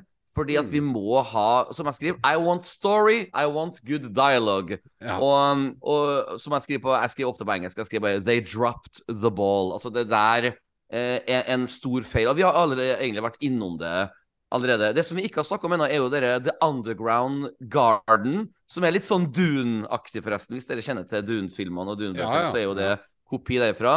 Jeg syns det har vært litt sånn rart tempo at den scenen blir introdusert midt i en kamp. Ja. De burde iallfall vært andpust når de ankom den plassen. Skulle vært Eh, tidligere i sesongen. Ja. Ja, Mm. exactly. exactly. Eh, var det noe du også tenkte på videre, med, med tanke på edit, regi Vi har nettopp sett en battle, og plutselig skal de slappe av litt på litt gress før de venter på forsterkninger. Altså, det er så rushed, er det ikke det, Vidar? Jo, den blir veldig malplassert. Og det er jo, Ja. Men det er fordi at dette denne eh, episoden er jo bare Og så gjorde vi sånn, og så gjorde vi sånn, og så gjorde vi sånn, og så gjorde vi sånn, og så over. gjør vi sånn og vi Det- Dare I say it? Gutter, dare I say it? Det er The Rise of, det er the rise of Skywalker. Ja, det, det, Det her ja, det, er, er- er likheter. Det er absolutt likheter. Ja. Og kan, kan jeg bare skyte inn en ting her nå, litt kjapt? og det er, jeg, Ja. jeg, Etter jeg så forrige episode, episode 7, så tenkte jeg på disse, her, disse her loslitte lorslitte Mandalorian de møtte, som kjørte en sånn privateer-aktig egen doning de hadde laget. Disse her gamle Mandalore som hadde overlevd på Mandalore i 15 år. Ah, I know where you're getting at this. Jeg vet hva du Hvordan skal har spørre om nå. de overlevd der uten å vite at Moff Gideon og Imperiet har laget en base, og så har de liksom eh, De burde hatt en radar eller noe sånt som har plukka det opp. Det har jo vi har på vært der vår i planet. Minst 15 år har de gått rundt der og scruffa rundt og skrota rundt Ja. og prøvd å lete etter mat og sikkert gått du, du forteller meg at de aldri har vært nede i The Force. De veit at de kan puste der nede. Altså, det er jo helt fullstendig meningsløst manus. Det var- Vidar? det var der- Ja. Ja, det var der jeg tenkte at hvis du har en mul hvis du, hvis du ikke har lyst til å eh, gjøre spice ut av noen av hovedkarakterene dine, så har du en gyllen mulighet der. Ja. Å og lage altså de var spionene. For Ja. da, Yes! da hadde yes! du forklart alt det. Og ja, da- det er akkurat det som er de- poenget. Ja. oh, Det er det Og jeg heller ikke ja. forstår, for jeg tenkte at Ja. ah, når jeg, etter, jeg tenkte etter episode etter, så, The Armor er i ledetog med dem, sikkert. Nei, det var, Mm. nei, det var, bare, det var bare veldig beleilig. Det var ingenting. Men nå, kjære Vidar og Knut, nå som vi tror ting ikke kan bli verre, så blir det faktisk det. Fordi at eh, for meg, og det kan hende at jeg overreagerer litt her, så bare arrester meg på det, men vi husker jo alle den fjollete episoden forleden uke når uh, plutselig Grogu fikk et sverd over hodet og ble knighted, liksom. Uh, så han er sir Grogu nå, faktisk. Uh, det var jo bare en tullescene som hadde ingen effekt. Men det som provoserte meg enda mer, var at nå plutselig, som et slags regivalg, manuskrittvalg, manuskriptvalg, for å lage en slags sånn en ah, rørende, så skal da altså Mando adoptere Grogu. Og da skal jeg spørre dere to rett ut. I det øyeblikket i The Book of Bobafett, når Grogu hopper i armene til Mando, og han har på seg Beskar-vesten, det er jo da han adopterte Grogu! Ja, jeg følte de gjør det samme på nytt What igjen. Det var det jeg følte. Fuck! De bare gjør What det samme the- på nytt igjen. Det gjør det samme Vidar, help me out. Det var jo da, Nei, uten å si det med ord, følte- at han adopterte. Ja. Ja, ja. nei jeg, føler, jeg, jeg følger med i denne serien, men når det oppsto på slutten der, så bare tenkte jeg dette har jo jeg sett tre ganger før. At Ja. han Ja, det at dette, er var- pappaen din. Ja, jeg, jeg måpa! Jeg måpa! Det var dårlig storywriting, det. Ja. Fy søren, altså. Det er eh, overraskende, for det er jo så, så lite overraskende. Det er jo ikke noe, det er jo ikke noe nytt som Ja. skjer. Annet enn at Ja, Grogu men det, altså, At Grogu får en connection med mytosauren er for så vidt litt artig, men det Ja, kommer jo ja. altfor sent. Altså, det Ja, det er jo altså, helt- altså, mitt problem, bare for å Vi skal snakke om flere ting, kunne jo vært altså for å Nei, det kunne jo. For å tulle, tulle det maks til, så kunne jo det vært at da kom det inn noen ugnoter med sånn The adoption application is a long process. It's, you, you have, og så ble det oppsparket. Sesong fire handler om adopsjonsprosessen. Ja, å herregud. Du, du ble jobba i Lucasfilm, eh, Vidar. Altså, så problemet mitt, vet du, når det, Nei takk, ja. Når den scenen kom, så Nei, nei, jeg bare takk. sier Ja, ja, Å, du sa takk, ja. ja. ja. ja. Ja, men det, Ja, ja, det, men- ja, det er jo som å kjøre rundt og rundt og rundt og rundt i en rundkjøring. Den, den siste Altså, jeg føler at det på en måte Hvis jeg skal et sted, så må jeg komme meg ut av den rundkjøringen, liksom. Men det, det, Ja. det gjør det jo ikke her. Ja. Altså, altså du, jeg, skulle ønske at dere var flue på veggen når jeg så den scenen når han ble adoptert, og den scenen skal liksom bygge opp følelser. Jeg satt altså seriøst og sa Ah, come on! Altså, jeg, jeg skreik det ut, liksom. Ja. Det var så dårlig. Jeg hadde altfor store forventninger til denne episoden. Jeg, jeg var altfor positivt innstilt, og jeg, jeg ble dessverre skuffa. Og til og med når, når jeg da fikk dere ah, come on-vibben, når da IG11 er tilbake etterpå, I feel nothing. Jeg, jeg er helt tømt for følelser, dessverre. Hva med du, Knut? Ble du glad for å se IG11, eller? Nei. Det, det, nei. Nei, det, det, er liksom Nå tar de han tilbake for fjerde gang, da. Ja. Det er fjerde Ja. gangen de tar han tilbake, liksom. Det er jo det. det, er det. Fjerde gang. Da, Ja. da, da begynner det å gå tom for ideer. Altså, jeg synes det var ja. Det var morsomt. Det var en liten morsom twist når Grogu satt inni igjen for tredje gang. Ok, jeg skal gi dem det. Ja! Når det- da tar det- tilbake det fordi, bare fordi Ja. Grief Carga skal ha en, ma en sheriff på, i byen sin, liksom. Ja, det, det hadde vært et morsomt sidepoeng hvis resten av plottet var jævlig solid, liksom. Men jeg føler jo også at eh, igjen, Navarro, hva er Hva liksom Altså, hva var motiv... Vi får jo vite at Moff Gideon sendte disse piratene til Navarro. Det var han som Ja. sendte dem dit, det sa han jo. Så Ja. ok, hva var målet hans da? At de piratene skulle ødelegge Navarro? Altså, det begynte med at de skulle ramponere skolen. det var de fem Ja, første ja, ja, i ja, episode ja. én. Og, Ja, så, ja. og så kommer Men- da Gorian Shard og eh, liksom skal angripe hele byen. Og Ja. Jeg skjønner, hva, hva var på, For han visste ikke at disse, han skulle ikke ta disse Mandalorianene, for de visste, det visste ikke han noe om på det tidspunktet. Han mente at det var Mm. eh, svorne fiender som slåss mot hverandre, motsatte klaner. Mm. Det sier han jo til hun Katie O'Brien i forrige episode. Så, Mm, -hmm. sånn det- hva var da poenget med hva Var det bare et hevnmotiv? At han skulle liksom ta utslette hele byen, liksom? Eh, den, den, den, den byen med 50 innbyggere? Men, eller planeten med 50 innbyggere. Ja. Nei, du, eh, gutter. Eh, vi, vi skal faktisk komme tilbake til svaret der. Jeg skal bare si til dere nå, kjære Vidar og kjære Knut, at vi har nå snakka i litt over 60 minutter om episoden, og tradisjonen tro skal vi nå da gi våre terningkast for episoden. Um, um, altså episode 8, chapter 24. Og gjerne en liten begrunnelse, for rett etter det skal vi nemlig snakke om det som Knut var inne på, hele sesongen. Og vi skal også da etter hvert gi terningkast på hele sesongen. Jeg kan bare starte, for jeg, jeg vet ikke om jeg overrasker eller sjokkerer, eller hva jeg gjør, men for meg, da, denne episoden her um, Som sagt, jeg hadde altfor store forventninger, jeg var altfor positivt innstilt. Jeg fikk mer negative sjokk enn positive. Så for meg så blir det her dessverre en eh, For denne episoden så blir det en terningkast tre. Og det er faktisk um, blant de svakeste terningkastene jeg har noensinne gitt. Jeg tror faktisk jeg ga den episoden med Jack Black og Lizzo også. Tror jeg endte opp på en treer. eh, For, for, for fire Ja. er jo egentlig ganske bra terningkast. Så Ja, en ja. tre fra meg, men det er mest pga. sjokket av at uh, jeg forventa så mye mer, og det er jo egentlig mitt problem. Det jo, men men, uh, men iallfall, Knut, jeg altså ender opp på en treer. Er du snillere eller slemmere enn meg? Jeg ser det på to måter. Altså, jeg ser på den siste episoden her, Hvis jeg ser på det som en isolert episode, som bare en, en Ja. lettbent Star Wars-underholdning Ja. Ja. Jeg husker jo du sa jo en gang at Rise of Skywalker var en terningkast fem popkornfilm, hvis du bare skrur Ja. av hjernen, liksom. Ja. ja. Eh, og denne her kan jeg godt gi en firer på den bakgrunnen, som en, som en, som en lettbeint, lettfordøyelig Star Wars-underholdning, hvor det er mye Det er veldig mye bra visuelt, og som eh, Vidar nevner, det er disse Mandalorene, luftkampen. Skulle hatt mye mer av det. Eh, det hadde vært en helt episk scene hvis vi hadde hatt noe dialog og noe indre drama som hadde bygd opp til en slik scene, når, når Bo-Katan tar fram darksaberen sin, liksom. Men jeg Ja. får ikke akkurat samme følelse som når f.eks. Aragorn tar fram sverdet sitt og marsjerer mot The Gates of Mordor på slutten. Det er så langt unna det, men det er der, Ja. det, det, er der de burde, burde ha nådd opp, da. Eller Ja. seg mot. Så som en, som en sesongfinale på denne sesongen, så blir det en treer. Å ja, det blir det, ja. Oh, ja. Men Um, som en popkorn Og det Ja. gjelder mange av episodene denne sesongen, at det er som lettbeint, lettfordøyelig Star Wars-underholdning, så er det mye som er helt Ja. greit, liksom. Men, Ja. men som, som helhet så er historien altfor, altfor pladask. Dessverre. Eh, Vidar, vi glemte jo så klart å snakke om at eh, på slutten så blir jo Mando en slags frilans freelance eh, ranger of the New Republic. Og du har den scenen hvor han bare slapper av i huset sitt, og så kommer det sånn Looney Tunes-sirkel fram. Og, for jeg var, jeg, var, jeg var bekka litt mot fireren hele veien, og så kom den scenen. og bare, her, her er jo bare så, Det er så avsluttende, den episoden her, føler jeg, at jeg, jeg gleder meg ikke til sesong fire, for det er ingenting å glede seg til, føler jeg. Og derfor ramler jeg ned på en treer, for det er ingen cliffhanger. Men vær så god, Vidar. eh, Terningkast for episoden og begrunnelse.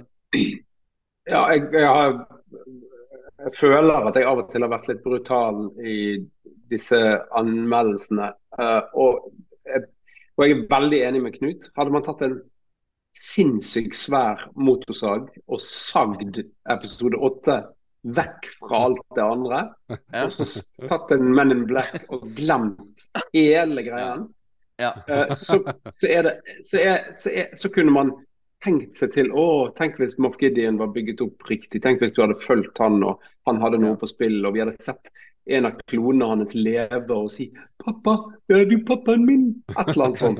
Da hadde, da hadde det vært eh, gøy å se denne episoden og se slutten. Eh, Ja. Jeg syns det visuelle er knallsterkt her. Jeg Ja. synes det er skikkelig bra laget. Ja. Ja, Jeg dra drakten til Moff. Gideon, eksempel.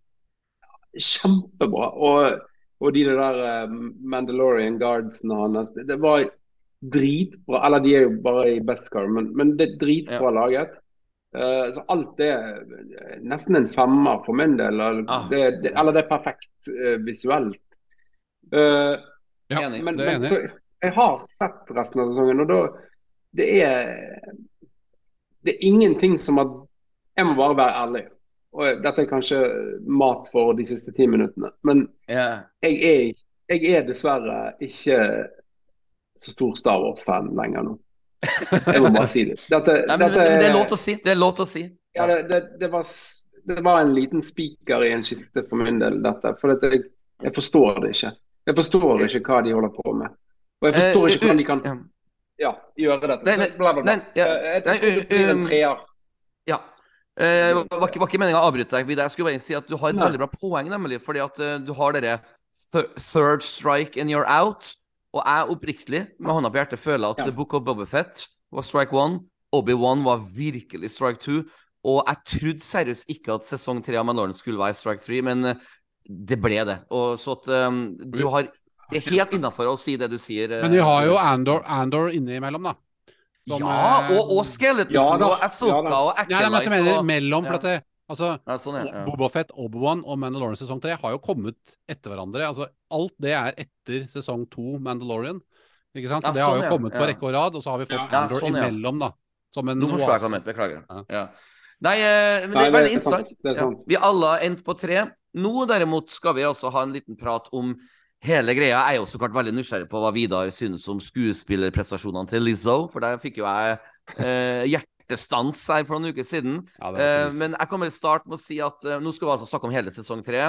Jeg mener jo så klart at de burde starta sesong tre med Mando uten Grogu, det har vi allerede snakka om, slik at vi kan føle deres savn, og kanskje i siste episode la dem møtes. Skjønner du hva jeg mener? Um, Ja. Og, og, og som sagt, Ahmed Best-scenene elsker jeg. Jeg ble faktisk litt rørt.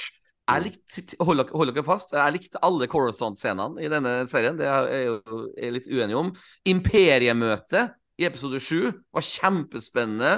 Og s- en scene som traff meg veldig godt, som ikke har dialog engang, det er når mm, Grogu sitter i fanget til Mando inni eh, romskipet, og det er space, space whales på sida, og du får en sånn en far og sønn-følelse hvor han holder rundt Grogu. Da, da bare åh, jeg, jeg, da, da fikk jeg så store forventninger til sesong tre. Um, men det aller verste er Jeg gleder meg ikke til fjerde sesong tre. tre. Altså det, nei, unnskyld, sesong fire. Jeg gleder meg ikke til sesong fire. For Nei. meg så ble dette en sånn en They lived happily ever after-ish-følelse. Ja, De slutter jo litt. Ja. Ja, altså, Ja. altså nå, nå, nå skal jeg si noe som en like ekstrem som det Vidar sa, det må ikke være Star Wars-fan. Det her er nesten på samme nivå. Jeg vil ikke bli verken sjokkert eller lei meg hvis jeg får høre om et år at sesong fire er kansellert. Jeg bare OK, whatever. Ja, men Du skjønner hva jeg mener? Ja. Det- Nei, det var, altså, den, den faller jo veldig pladask, og det er nesten så man får litt følelsen av at de ikke har hatt helt troen på det selv heller. For at det, de ender jo opp med en slags slutt her som ikke du nødvendigvis må følge opp. Det eneste er det at, at, eh, at eh, Din sier at han vil gjøre mer bounty hunting for the New Republic. Ja. Som virker jo Det virker bare sånn rep rep repetitivt og kjedelig, og det har vi jo gjort masse Ja. av allerede. Det, ja, for det, det er som en sirkel. Da er vi tilbake Ja, til sesong én. Da føler jeg liksom Ja. OK, ja, Ja. så det Mandalore-konseptet med å ta tilbake det og bygge det opp, det, er, det har vi forlatt helt nå. Boka Tan sin historie, den er helt uh, ferdig, liksom. Det, det, Mm, mm. det, det, er jo, det er jo ingen historier her som får noe som helst rom til å puste, eller hva er det vi skal fokusere på? Jeg, jeg føler at jeg ser Ja. på en sånn en trafikkork som går i 100 000 km i timen. Jeg jeg vet ikke hva det er jeg skal følge med på. Og jeg liker å se på ting hvor det skjer mye. Altså, jeg kan, gå, jeg kan godt gå på kino og se på Transformers. Jeg veit at det er Mm. dumt, men jeg syns det er gøy bare at det går fort og robotene slår på hverandre. Men fordi Mm, at mm. de prøver ikke engang å fortelle en god historie, liksom. Men yeah. i Star Wars så forventer jeg emosjonelle tilknytninger. Altså, hvis, hvis Luke Skywalker og Darth Vader skulle slåss i denne sesongen her, nå som blir det nok, nok et eksempel, så hadde jo bare Darth Vader sagt Luke, I'm not your father. Ah, so convenient! Let's go, rule the galaxy together! As father and son. Yeah!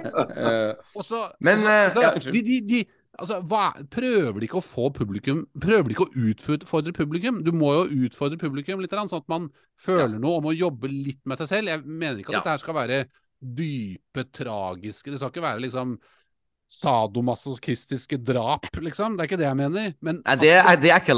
Ja. det, det er. Ja, for der er det jo lærende ekstra sånn sexregissør. Ja. Yes, yes, yes. Men ikke sant? Men- man, man, man vil ha dype emosjonelle tilknytninger til hendelser og Ja. karakterer i en Star Wars eh, i et Star Wars-produkt. Det er ikke Det må vi forvente.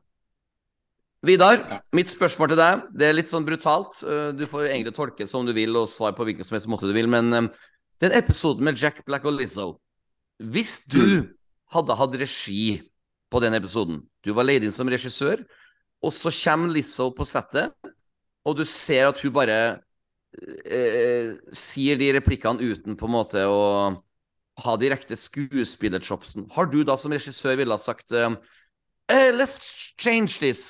Du kan heller bare stå ser litt kul ut, og så lar vi noe andre Let's, let's switch dialogue. Så da, uh, har du villet redda scenen, eller overreagerer jeg på Lisov sin manglende skuespillerprestasjoner?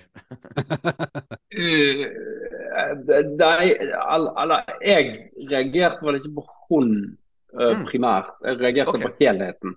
Okay. Og jeg er jo stor Jack Black-fan. Me too. Elsker alt. Jeg også, jeg Hele også. hans vesen er til spise opp. Ja. Men, men alt, alt som skjedde med en gang de kom inn, var helt meningsløst kjedelig. Eh, så så, så jeg, jeg reagerte vel ikke på hun som sånn at hun okay. stakk seg ut som en dårlig skuespiller. Det, det gjorde jeg ikke. Eh, Ok. jeg, jeg reagerte på at manuset var helt jævlig. Hvis jeg hadde fått den jobben, så hadde jeg selvfølgelig takket ja. Og så hadde Ja. jeg hatet meg sjøl.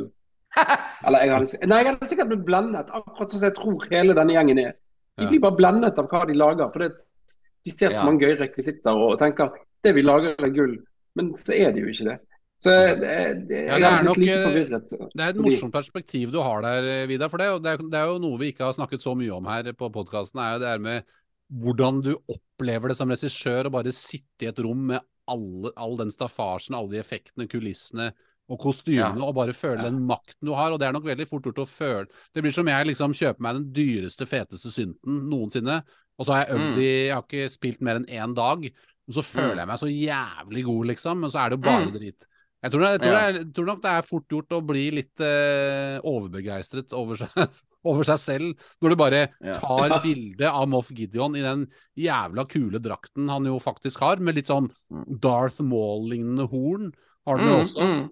Ja. Samme som The Ja. Det har gått mange Og det er også en annen ting jeg tenker på. Når, de, når man først skal gjøre det grandiose og kult, hvorfor kan de ikke knytte dette her til Darth Maul? Han, han var jo På et tidspunkt så var det jo han som regjerte på Mandalore.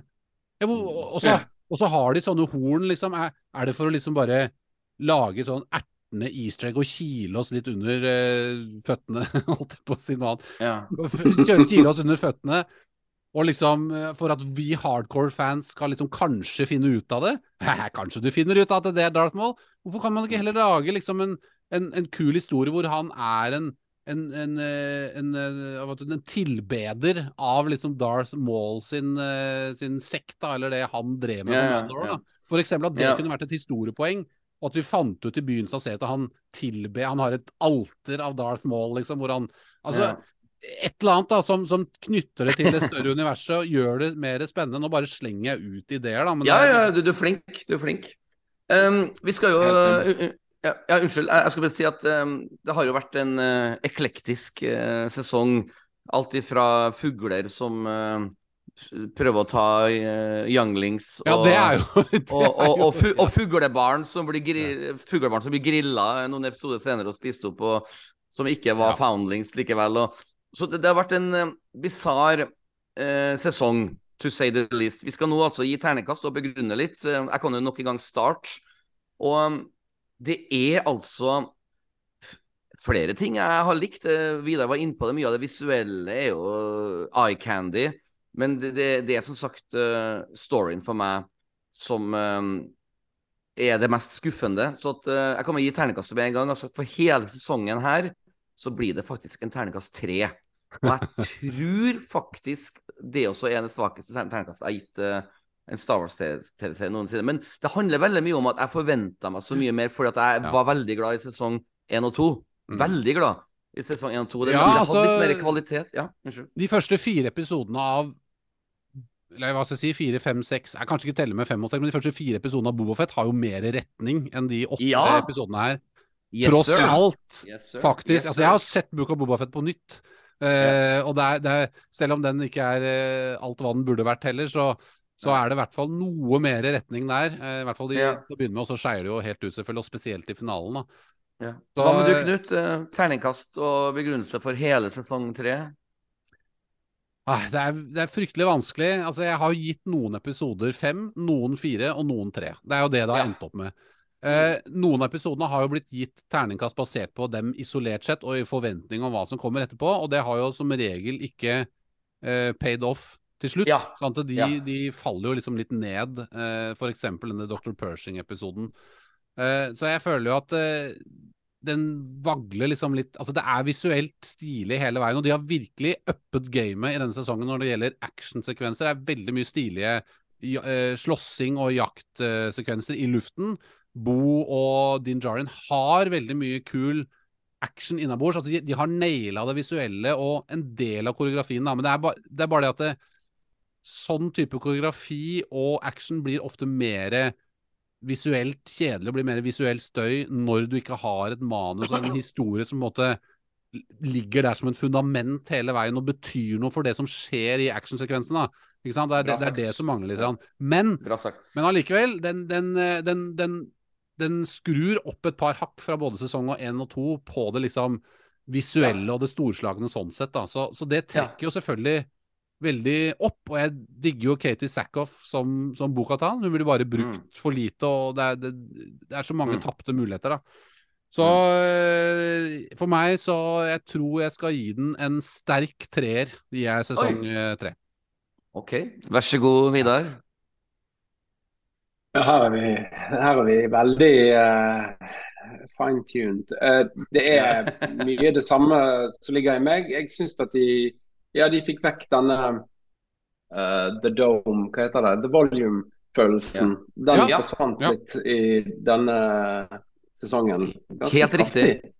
Og, og, og jeg følte Absolutt. på Jeg skulle ønske jeg syns han var mest til stede på Mandalore. Selvfølgelig, siden det er en alien world. Mm. Så der, når de landet, så landet de liksom innenfor en eh, De landet 80 i det volume. kvadratmeter. Alltid. Ja, ja, ja. Jobb, jobbet innenfor 80 kvadratmeter. Ja. Uh, så det var kanskje litt dumt. Men, uh, men så, var jeg, så åpnet jo de opp med denne hulen, og den var jo voldsom. Og de fikk det til å funke. Så jeg syns jo at visuelt sett så har de tatt kvantesprang uh, Ja. med sikkert den samme teknologien. Så det er jo kjempespennende for fremtiden. Og, Jeg, jeg, jeg og og- Knut snakka faktisk mye om det på de første to episodene av denne sesongen. Vi var litt sånn i wow over hvor lite volume vi merka, så det er veldig kult at du nevner Ja. det, Vidar. Ja. Ja. Mm. Nei, og så er jo det da Men så lander det litt på nå at nå gleder jeg meg Jeg vet ikke hva jeg gleder meg til. Jeg gleder meg, jeg gleder meg litt til House of Dragons. Den syns jeg var bra. Jeg gleder meg til hvordan de skal fortelle den historien, for der, der gjorde de noen kule grep. Jeg gleder meg til kanskje Last of Us sesong to. Jeg tenker ikke mer på Star Wars, og det er jo forferdelig. Det syns jeg er veldig dumt. Jeg. Dette ødelagte til og med Asoka, og den traileren var helt utrolig bra. ja, Altså, jeg nå, enig. nå, Men, nå, men jeg må, nå vet ikke jeg hva jeg skal vente. For, for å få deg litt på rett kjøl, da, Vidar, så tenker jeg jo at jeg har Jeg hadde jo en del store forventninger til episode Nei, sesong tre Mandalorian, men jeg var litt reservert pga. dette greiene med at Grogu ble tvunget litt inn igjen. Slengt inn Ja. i Bobafett sånn som han gjorde. Så jeg, jeg gikk inn i den med en liten skeptis, skepsis mer enn jeg hadde i selvfølgelig sesong én og to. Men når det gjelder Asoka, så er det Det er liksom eh, Det er Dave Filonis hjertebarn. Altså hans egen Ja. karakter som han har skapt, som han har drevet med siden 2008. Dette må være et Ja. passion project. Og så ser jeg at Dave Filoni har nok ikke vært like mye involvert i denne sesongen. Altså John Farrow har vel skrevet alle episodene, tror jeg. Jeg tror Ja. han har hatt mye fokus på Asoka. Jeg vet, jeg har jo sett til og med episoder av Clone Wars nå i de siste, siste ukene, hvor jeg har sett litt av de der Mandalore-arkene fra Clone Wars. Vært litt ja. nerd. Ja. Og selv de sant, Clone Wars-episodene er jo mer interessante når det går på liksom Mandalorian law og spenning rundt hva som skjer der, mer enn det The Mandalorian live action-serien gjorde i sesong tre, som handler om å ta tilbake den verden. Liksom. Det, Ja. det for meg er helt utrolig at ikke de klarer å da lage, skape en Ja. sesong som gjør det bedre enn de klarte å gjøre det i en animasjonsserie som er rettet mot yngre seere, liksom. Har Mm. bedre Ja, historier. Det, det er helt utrolig. Men, men for å komme tilbake til, til det positive her, da. Jeg tror i det minste at Dave Filoni han vil ikke gå inn og fucke opp det prosjektet med, med sitt eget eh, hjertebarn som ligger i Asoka. Og han har jo fått lov å bygge henne opp i, i Mandalorian og, og, og også Rebels også, selvfølgelig. Så jeg har mer troa på den enn jeg hadde på sesong tre Mandalorian. Og spesielt etter den traileren som vi fikk servert på, på Star Wars Celebration. Ja. den, den Vi er tilbake til liksom det føles ut som en interessant historie. Det er selvfølgelig helt umulig å si basert på en trailer, men det har også disse fantastiske karakterene som vi jo også kanskje manglet litt i Andor. ikke sant? Med, det er mer lyssabler, og Jeg føler at vi er kanskje noe war Nei, hva heter det? Um, World Between Worlds, altså som vi hadde i Rebels. Ja. altså Ja. Reisegreiene. Hele logoen til Asoka har noe med det å gjøre. Det, Mm. det er kanskje den tingen som Det virker veldig spennende, men de må være forsiktige med sånn tidsgreier i Star Wars, for det er så uvant Ja. for vanlige Ja. seere. Så. Spent på det. Men, men allikevel, når bare jeg ser han derre Ray Stevenson holde en sånn oransje glødende lysaper og slåss mot et sokkel. Mm. vi er tilbake der. Mm. Klarer å fortelle en engasjerende historie nå, i tillegg til å ha disse fantastiske larger than life-karakterene. Da er vi tilbake, gutter. Og vi sitter på finalen i Asoka og river oss av glede i både skjegg og Ja. hår og nesehår. Tilbake til videre Å, unnskyld. unnskyld, Vær så god. Nei, og der, der I den traileren så klarer jo de mesterstykket å vise Admiral Thrawn, riktignok ryggen hans, men Ja. uh, de har jo allerede vist ham på Star Wars Celebration. Vi vet at han er der. Vi Ja. har en fiende. Vi har Ja. noen. Ja, Bare det. Ja. Kanskje får han lov til å være med i mer enn to episoder. Og da har jo vi en sjanse til å lage Da er jo det en sjanse at det blir en interessant historie. Altså, De Ja. kan ikke fucke opp Thrawn, for han er så interessant karakter. I, Rebel, i Ja. Rebels, i Rebels hadde han masse screentime. Han hadde masse screentime i Rebels. Masse dialog, masse taktikkeri og liksom Ja. briljant uttenkning av hva han skal liksom få til. Det er det masse av som i bøkene. Han er jo en, han er jo en, han er jo en skoleeksempel på en karakter du kan bruke til å ha masse dialog. Ja. Og grunnlaget for å lage kule actionsekvenser, fordi han kan sette opp kule taktikker for å ta Ja. rebellene. Altså, de har enorme muligheter Ja. til å lage veldig kule ting. Og det er, det er helt enig med, med Vidar der at, det, vi- altså, at bare det faktum at vi ser en skurk i traileren Ja. Altså Istedenfor den kosesesongen vi har hatt nå, la oss spille på lavt eh, vanskelighetsnivå. Ja, ja. Star Wars, liksom. Beklager digresjonen, eh, Ivar. Du skal Nei. Vidar, du skal få lov til å komme med terningkast og siste ord Det om blir hele sesongen. Ja. Ja, det blir, det blir tre. Det blir en, Ja. det blir en apatisk treer. Ja. Jeg, jeg, jeg, jeg vil nå si, eh, Vidar, at um, det, det, det, er veldig interessant, for jeg har faktisk full forståelse for de sterke ordene du bruker med at du kjenner at din Star Wars-fanglød har blitt skuffa, liksom. Third time in a row, liksom. Det, det gjør Ja. noe med uh, ditt uh, det, det gnisten for uh, dette universet. Men jeg Ja. må likevel si, og virkelig, altså, jeg håper at uh, du har både lyst og tid til å bli vår gjest på finalen av Asoka. For kanskje Ja. det er noe Det kan bli en opptur. Selvfølgelig. Selvfølgelig. og, Og hva er det som- og- hva er det som er rett rundt hjørnet nå, Vidar? Asoka. Det er Star Wars Visions, tenker jeg på. Ja, den òg, men det er noe Ja. annet, etter min okay. mening, som kan bli like stort, som er rett rundt hjørnet. Vi snakker eh, Skal vi se, nå er det 20 Guardians of the Galaxy? Nei. Nei, vi, vi, ja, Nei. det- den òg! Ja. Vi, er- vi, er i Star Wars- vi er i Star Wars-universet. Uh, Det kommer om åtte dager. Det er en-? Det er ikke en film. Nei. Nei, oi! snakker vi Eh, Fallen Order Nei, Ja. eh, Jedi Survivor. Ah! Jedi Survivor. Cal Kestis. Ah. Og når jeg Ja. så Cal Kestis komme på Star Wars Celebration, da ble jeg så glad. For at det, jeg har blitt kjent med en skuespiller gjennom en 3D-variant av den skuespilleren som jeg ikke har sett noe annet sted. Og for meg så var han en rockestjerne.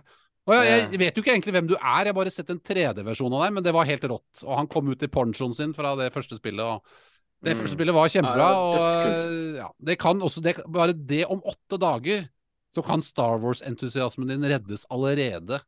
Ja. Bare ikke, bare ikke, spill, bare ikke spill på lavt uh, vanskelighetsnivå. Um, Vidar, vi har noen eh, bonusspørsmål til deg. Um, det, jeg Ja. tror kanskje ikke eh, de. Jeg tror kanskje du kommer til å like dem litt. Det er jo også slik at um, i forrige episode, forrige uke, så hadde jo jeg og Knut en sånn tomannspodkast. Vi måtte bare rydde opp i litt spørsmål vi hadde til hverandre, som vi da skal nå prøve ut på deg. Og, um, så det, nå er det kun du som skal få lov til å svare. Og det er jo det at okay. det ble an... um, Det ble altså uh, Under Star Wars Celebration så ble det altså tre nye filmer som ble annonsert. Og um, Ja. jeg, skal leke, jeg skal leke litt sånn djevelens advokat med det her, fordi at um, det, det er jo tre veldig ulike filmer fra tre forskjellige perioder. Og, så jeg, du skal få lov til å svare på hvilken måte du vil, men gjerne være ærlig. For at um, det ene filmen er jo um, Dave Filoni-filmen. Altså den som skal bygge opp du vet, The Mandovers med Asoka og Boba Fett og Mandalorian og Skeleton Crew. Og den filmen blir jo regissert av Filoni som aldri har regissert en film før. Nå er jo du i en Mm. litt sånn eh, spennende eh, setting, for du har jo vært skuespiller i mange år, og, eh, og når du da føk- først fikk en kjempespennende tilbud om å ta over eh, regi å ta på deg regihatten med The Book of Mormon, så hoppa du i det, og det ble en kjempesuksess. Uh, og, men Dave Filoni, som har så mye Star Wars-kunnskap, men aldri har regissert film før, er det modig, eller er det litt sånn banalt av Lucasfilm å gi en mann som aldri har regissert en film før, sin egen film? Eh, hva, hva tror du om det? Du, du har også spilt i film, du kjenner sikkert til regissører. og eh, eh, det, er jo litt Det har aldri skjedd i Star Wars før at en mann som aldri har regissert en film før, skal få sin egen film. Mm. Nei, jeg, jeg tror det finnes mange forskjellige regissører, og jeg tror jeg har veldig tillit til han. Og han har jo regissert episoder av Mandalorian eh, som nesten er å regne som eh, i hvert fall scener som ligner mer på film enn TV-serie.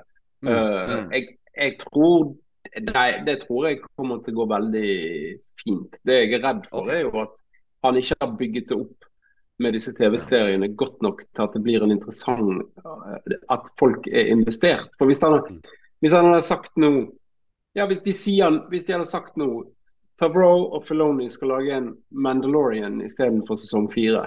De skal lage en film. Jeg, jeg hadde ikke giddet å se han engang.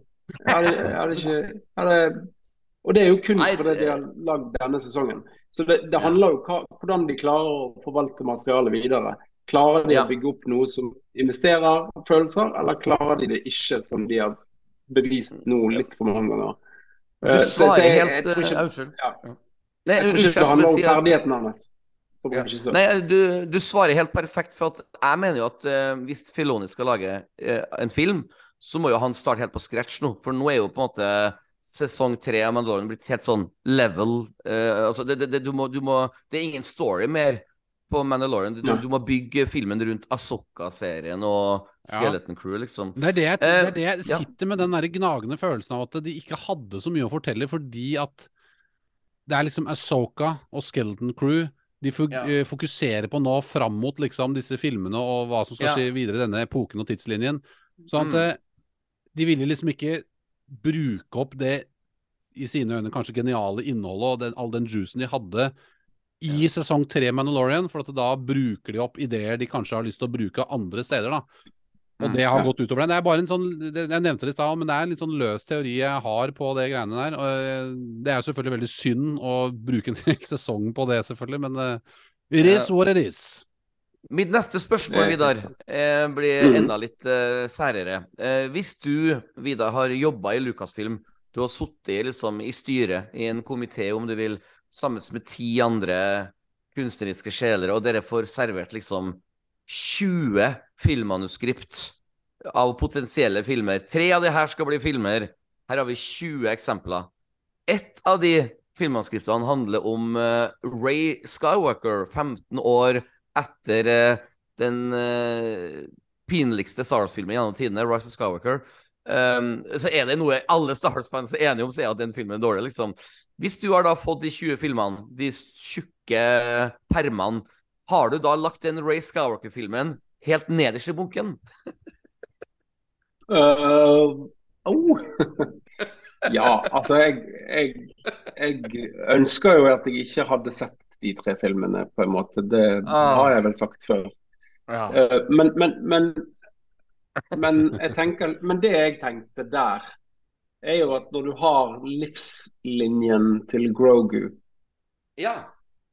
Så er jo han uh, Ja, han er vel i tenåren Nei, han er vel i 20-årene, type ting. uh, rundt Ray. Så jeg tror Jeg, jeg, jeg er nesten 100 sikker på at uh, og, Eller, de bør gjøre det. De bør Ja. ha en voksen Grogu med i den filmen. Da blir han interessant. ja. For, for at jeg må Ja, da klarer de å selge han i hvert fall. Ja.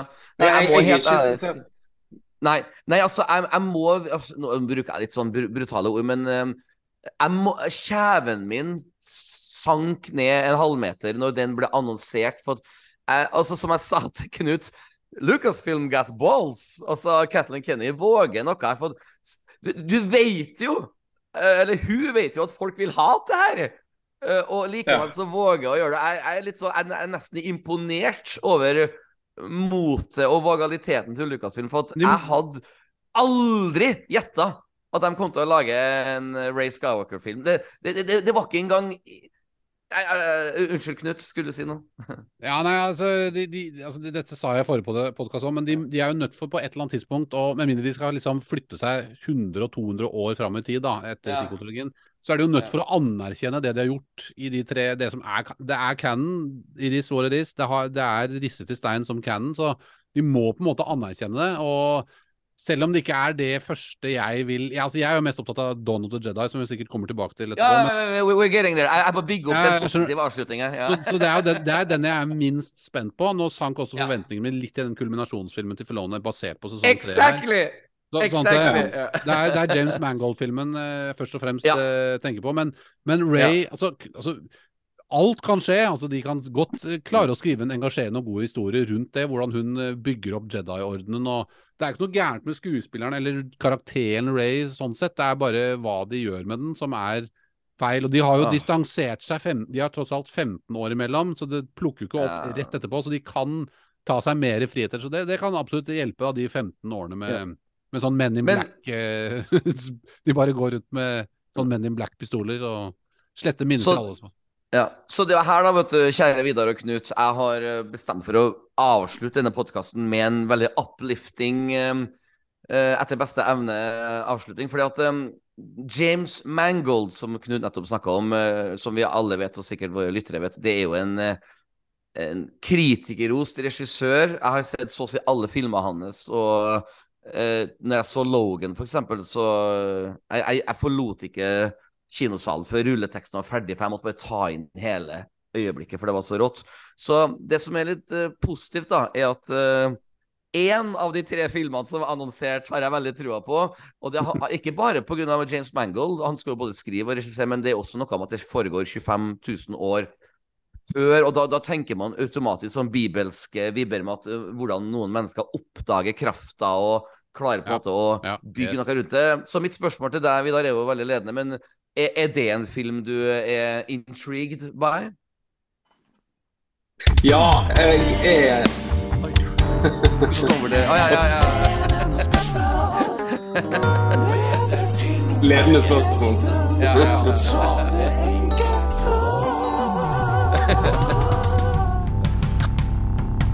Jeg følte de måtte få opp stemningen litt. Ja, ja vær, vær så Ja, god, det, det var, den hjalp. Den hjalp. Ja, ja. Jeg, jeg, jeg, eh, jeg, eh, jeg tror jeg gleder meg, og så er jeg veldig spent på Fordi at eh, Kathleen Kennedy og Mangold har samarbeidet om Indiana Jones. Yes, Den har jeg hørt Yes, så sinnssykt mye rare greier om.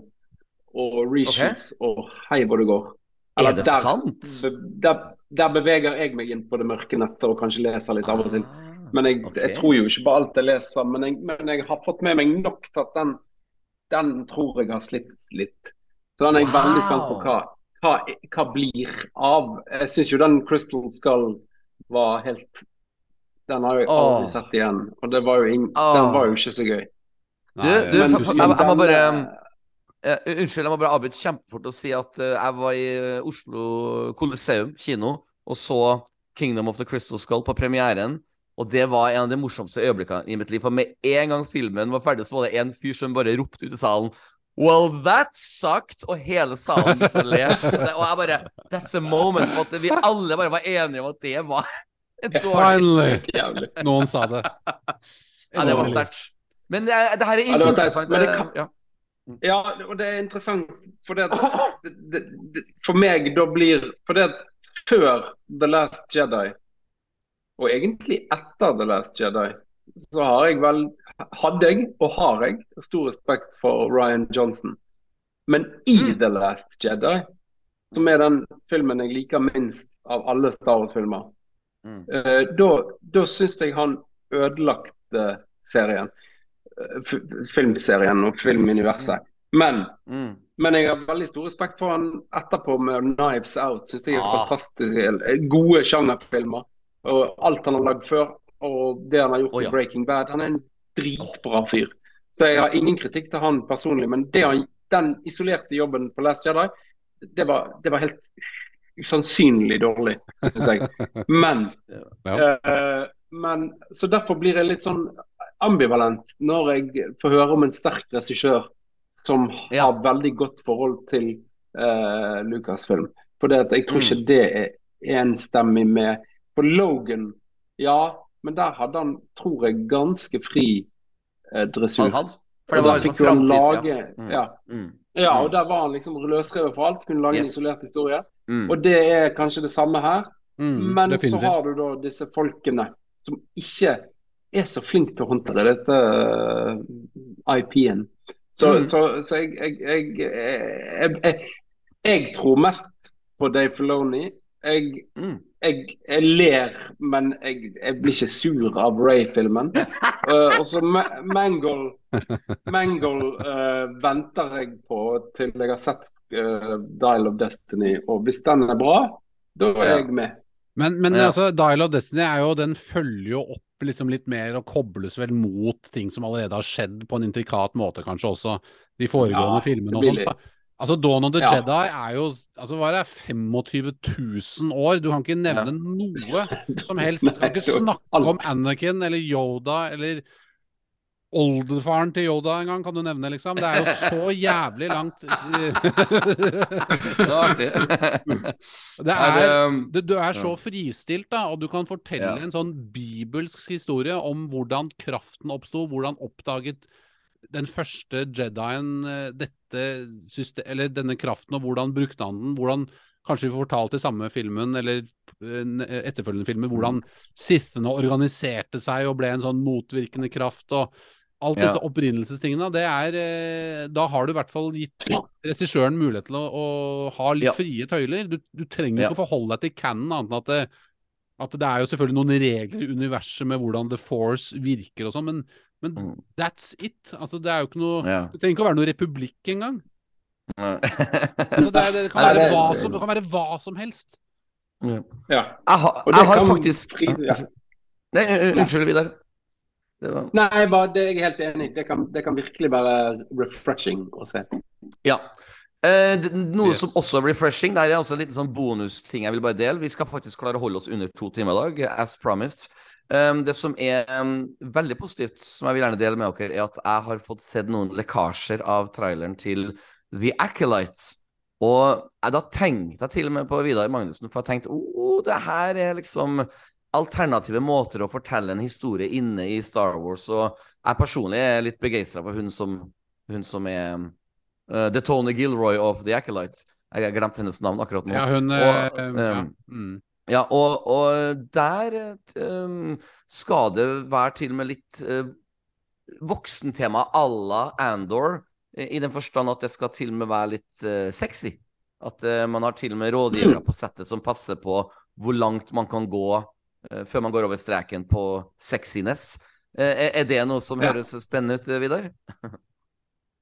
Ja, alt, eh, alt som eh, utfordrer alders Altså sånn Andor gjorde jo det med intellektuell manus. Ja. Eh, så, så hvis det kan eh, pirre eh, buksesmekken, holdt jeg på å si, eh, så er jo det helt fint, det.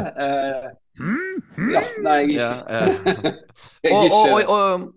Og, ikke ja, og Ja, og det er jo at, uh, ja. Kanskje vi får se liksom bestemoren til hun derre Peli Motto ha sex med, med, med. Wookies, liksom? Nei, nei, nei, det, det, det, det, det er ikke sånn, men det, det er egentlig å, å si, si at det er jo antagonisten. Altså, det er jo liksom vi får, Det er jo The Sith-gjengen som har hovedrollen. Og det tror jeg blir et Ja. veldig friskt pust um, i, i, i Star Wars-sammenheng. For at uh, vi kan ikke alltid følge um, hel, heltene Ja, Knut, din lille luring. Uh, men, uh, men i alle fall, for å avslutte, uh, Vidar, så er jo så klart det klassiske podkastspørsmålet Uh, Is there anything you like to plug? Er noe spennende som foregår i ditt liv og karriere for tiden? Ja, nei, det er, det er forskjellige ting. Jeg kan si mer enn jeg noensinne har sagt, men likevel Oi. ikke si alt. Jeg Jeg skriver på Ja. en TV-serie i utlandet. Og vi har til og med vært Oi. der at vi har møtt, møtt en skuespiller. Oi. Eh, som kanskje skal spille i denne serien. Eh, mer kan jeg ikke si, for jeg aner ikke hvordan dette ender fremdeles. Men, Og det- men er det en skuespiller ja, Er det en skuespiller vi, jeg og Knut eh, mest sannsynligvis har hørt om før? Er det Jack Black? sett? Ja. Jeg, jeg, har, jeg har testet den på noen nordmenn. Uh, dere ville visst det. Ja. ja. Oi. Vi ville Så- så ikke, eller vi ville? Nå hørte jeg ikke. Dere vi ville visst det. Jo. Ja, vi ville det, ja. Ja. Ja. Men, eh, den, men 70% av de jeg altså, Men da snakker jeg med folk i eh, forskjellige eh, yrkesgrupper som ikke kanskje er nerder. Jeg tror nerder Ja. vet det i Norge, og ja. Kaller du oss nerder, altså? Å ja. Der, Det, der det er jo kom honnør. nå sier jeg Husk som på, han Vidar, eh, Kevin Husk på, Vidar, Vågenes. jeg, Der jeg og Knut jeg og Knut, vi spiller i band, altså. Det, Vi er dritkule. Ja, Vi er veldig kule. Jeg spiller keyboard, jeg spiller keyboard 2 på Sist Track. Det er kjempekult. For de som ikke vet det, keyboard 2 det er liksom det er den høyeste statusen du kan ha. Ja, det er det. For det er faktisk jævlig vanskelig. Og det er det faktisk òg. Ja. En, en superegoistisk digresjon. Min første musikalrolle var i Jesus Christ Superstar i Grimstad. Spilt blant Jeg annet syns du sa Heine- Jesus Nei, nei, nei. Christ.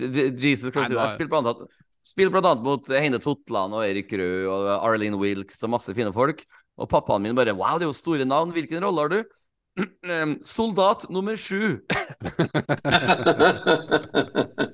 Man må jo, man må jo starte en plass. Ja, ja. ja jeg har spilt soldat nummer tre i Le Miserable. Det, var skikkelig stort. Ja, ikke sant. Det, jeg dere er jo lave. min Jeg er, musikal. jeg er keyboard 2, jeg er ikke keyboard 9, liksom. Jeg er keyboard 2. Nei. Just Ja, du er mentioning. to. Jeg er tre, du er syv. Ja. Ja. Så det, det vil si at Knut er jeg best. Knut er best. Ja. Knut er best, uten tvil. Men eh, så utrolig eh, eh, gøy med den ditt det, det Var det film- eller TV-prosjekt, forresten, Vidar? Ja, Det er et TV-prosjekt Ja. Ja. ja. som sikkert ble realisert i 2039. ja. Ja, ja. Men, Men er, det, er, det, er, det, er det en eh, NRK-produksjon, liksom, dette her, eller er det Eller er det Det er laget av ingenting Det har ikke noe med Norge å gjøre i det hele tatt. Ah, så spennende. ah. Um, fordi at uh, jeg, jeg kjenner jo hun Karoline, hun som står bak uh, Kammo, den som går på NRK akkurat Ja, nå. En ja. god venninne av meg, og det er veldig artig å se liksom, hun har skrevet. Hun har hovedrollen. Altså. Det, det er litt sånn, jeg får litt sånn Vidar Magnussen-vibe. av. Er, er det sånn du er i den her også? At du, du står bak både Nei. produksjon og skriving og alt? Ja, men mest sannsynlig ikke foran kamera. Det, det er jeg for liten til. Så det blir ikke noe av. Men hun eh, Karoline Glomnes, Ja, korrekt. korrekt.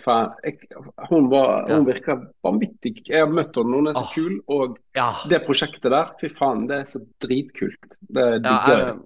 Jeg, ble, faktisk rørt når hun fortalte meg at hun fikk en greenlight. Det er jo noen år siden nå. Det var bare sånn at NRK lar disse nye, eh, quote on quote, ukjente talentene også få lov til å få plass til å skinne. Det gjorde meg veldig, veldig glad. Og det, det, det er overraskende tidsriktig òg, da. Den kom med tanke på alt som foregår nå med influensere Ja, og Sofie. Elise. Så Ja. tidenes timing. Så det Influensere, det er altså en spesiell rase. Eh, jeg og Simon, vet du, Vidar, vi Ja. var, skulle holde foredrag for på Mandalorian-premieren på, på Vika kino, på, eh, altså episode én av denne sesongen. for for åtte, åtte uker siden. Ja. Mm. Halvparten av gjestene der var influensere, altså bare sånne ukjente, i hvert fall i mine øyne, da. Eh, Ja. Ukjente influensere. Og de satt bare og skravla, og de sendte Jeg hadde noen notater på en iPad. Da fikk jeg masse sånn derre Katrine vil airdroppe bilder til meg, for eksempel, da.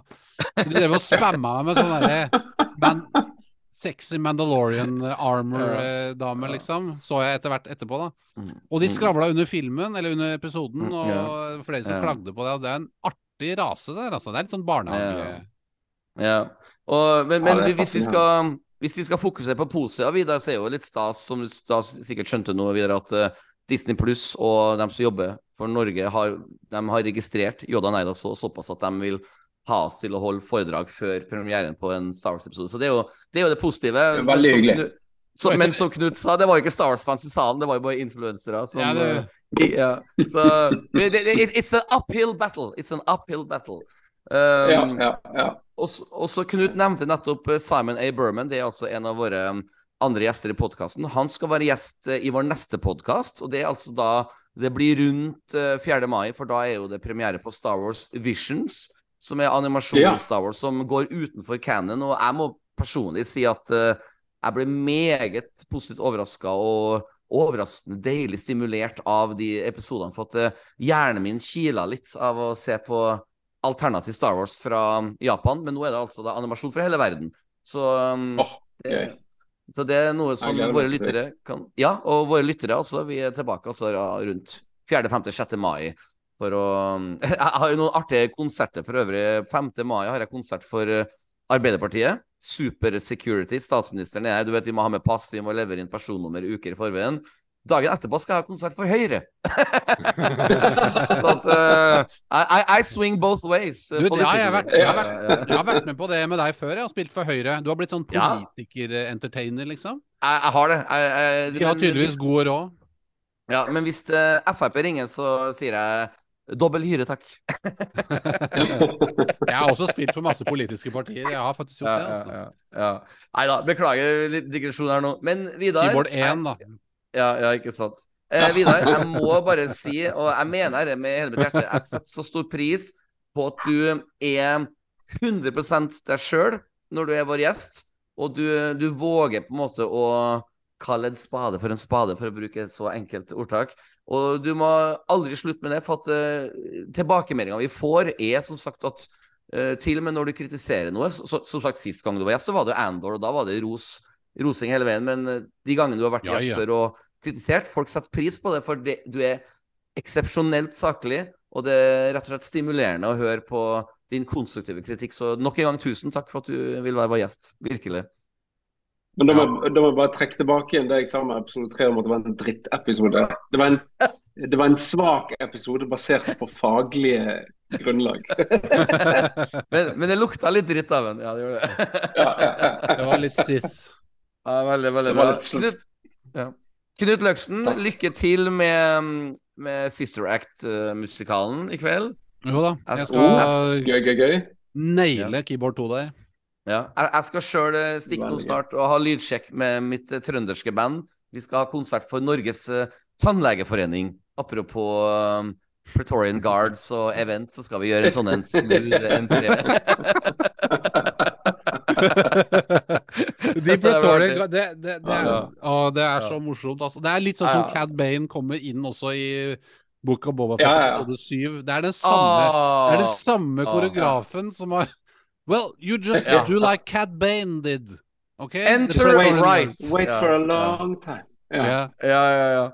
Tradisjonen tro skal vi alltid avslutte med et uh, Star Wars-sitat. Det har ikke nødt til å være morsomt, men siden du er vår gjest, Vidar, skal du få lov til å komme, uh, gå sist. Knut Løksen, du vil kanskje gå først uh, denne gangen. Ja, det er altså ja. bare hva som helst. Det kan være noe fra ukas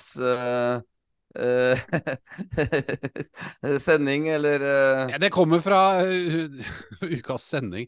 Først har jeg lyst til å metakvotifisere Jeg syns det var så gøy med at når Vidar sa at at, at Moff Gideon hadde så dårlig tid til å være ond at han måtte forklare alt på kort tid. Jeg syns, det er Det er så, det var bra. Det er så treffende, liksom. Men, så, men uh, mitt kåt er Det er jo han uh, Grief Carga som sier dette her, da. Come on, baby! Do the magic hand thing! Ja. da skal jeg um, bruke et litt dypere sitat. Um, jeg snakker riktignok om, om, rebellion i sitatet, men det jeg egentlig mener, er Lucasfilm, bare så dere skjønner. Og det er så klart han godeste um, uh, Saw Guerrera. Han sa Save the rebellion! Save the dream! Og da mener jeg så klart uh, framtida til Lucasfilm og Star Wars. Det skjønte jeg. Vær så god, Vidar.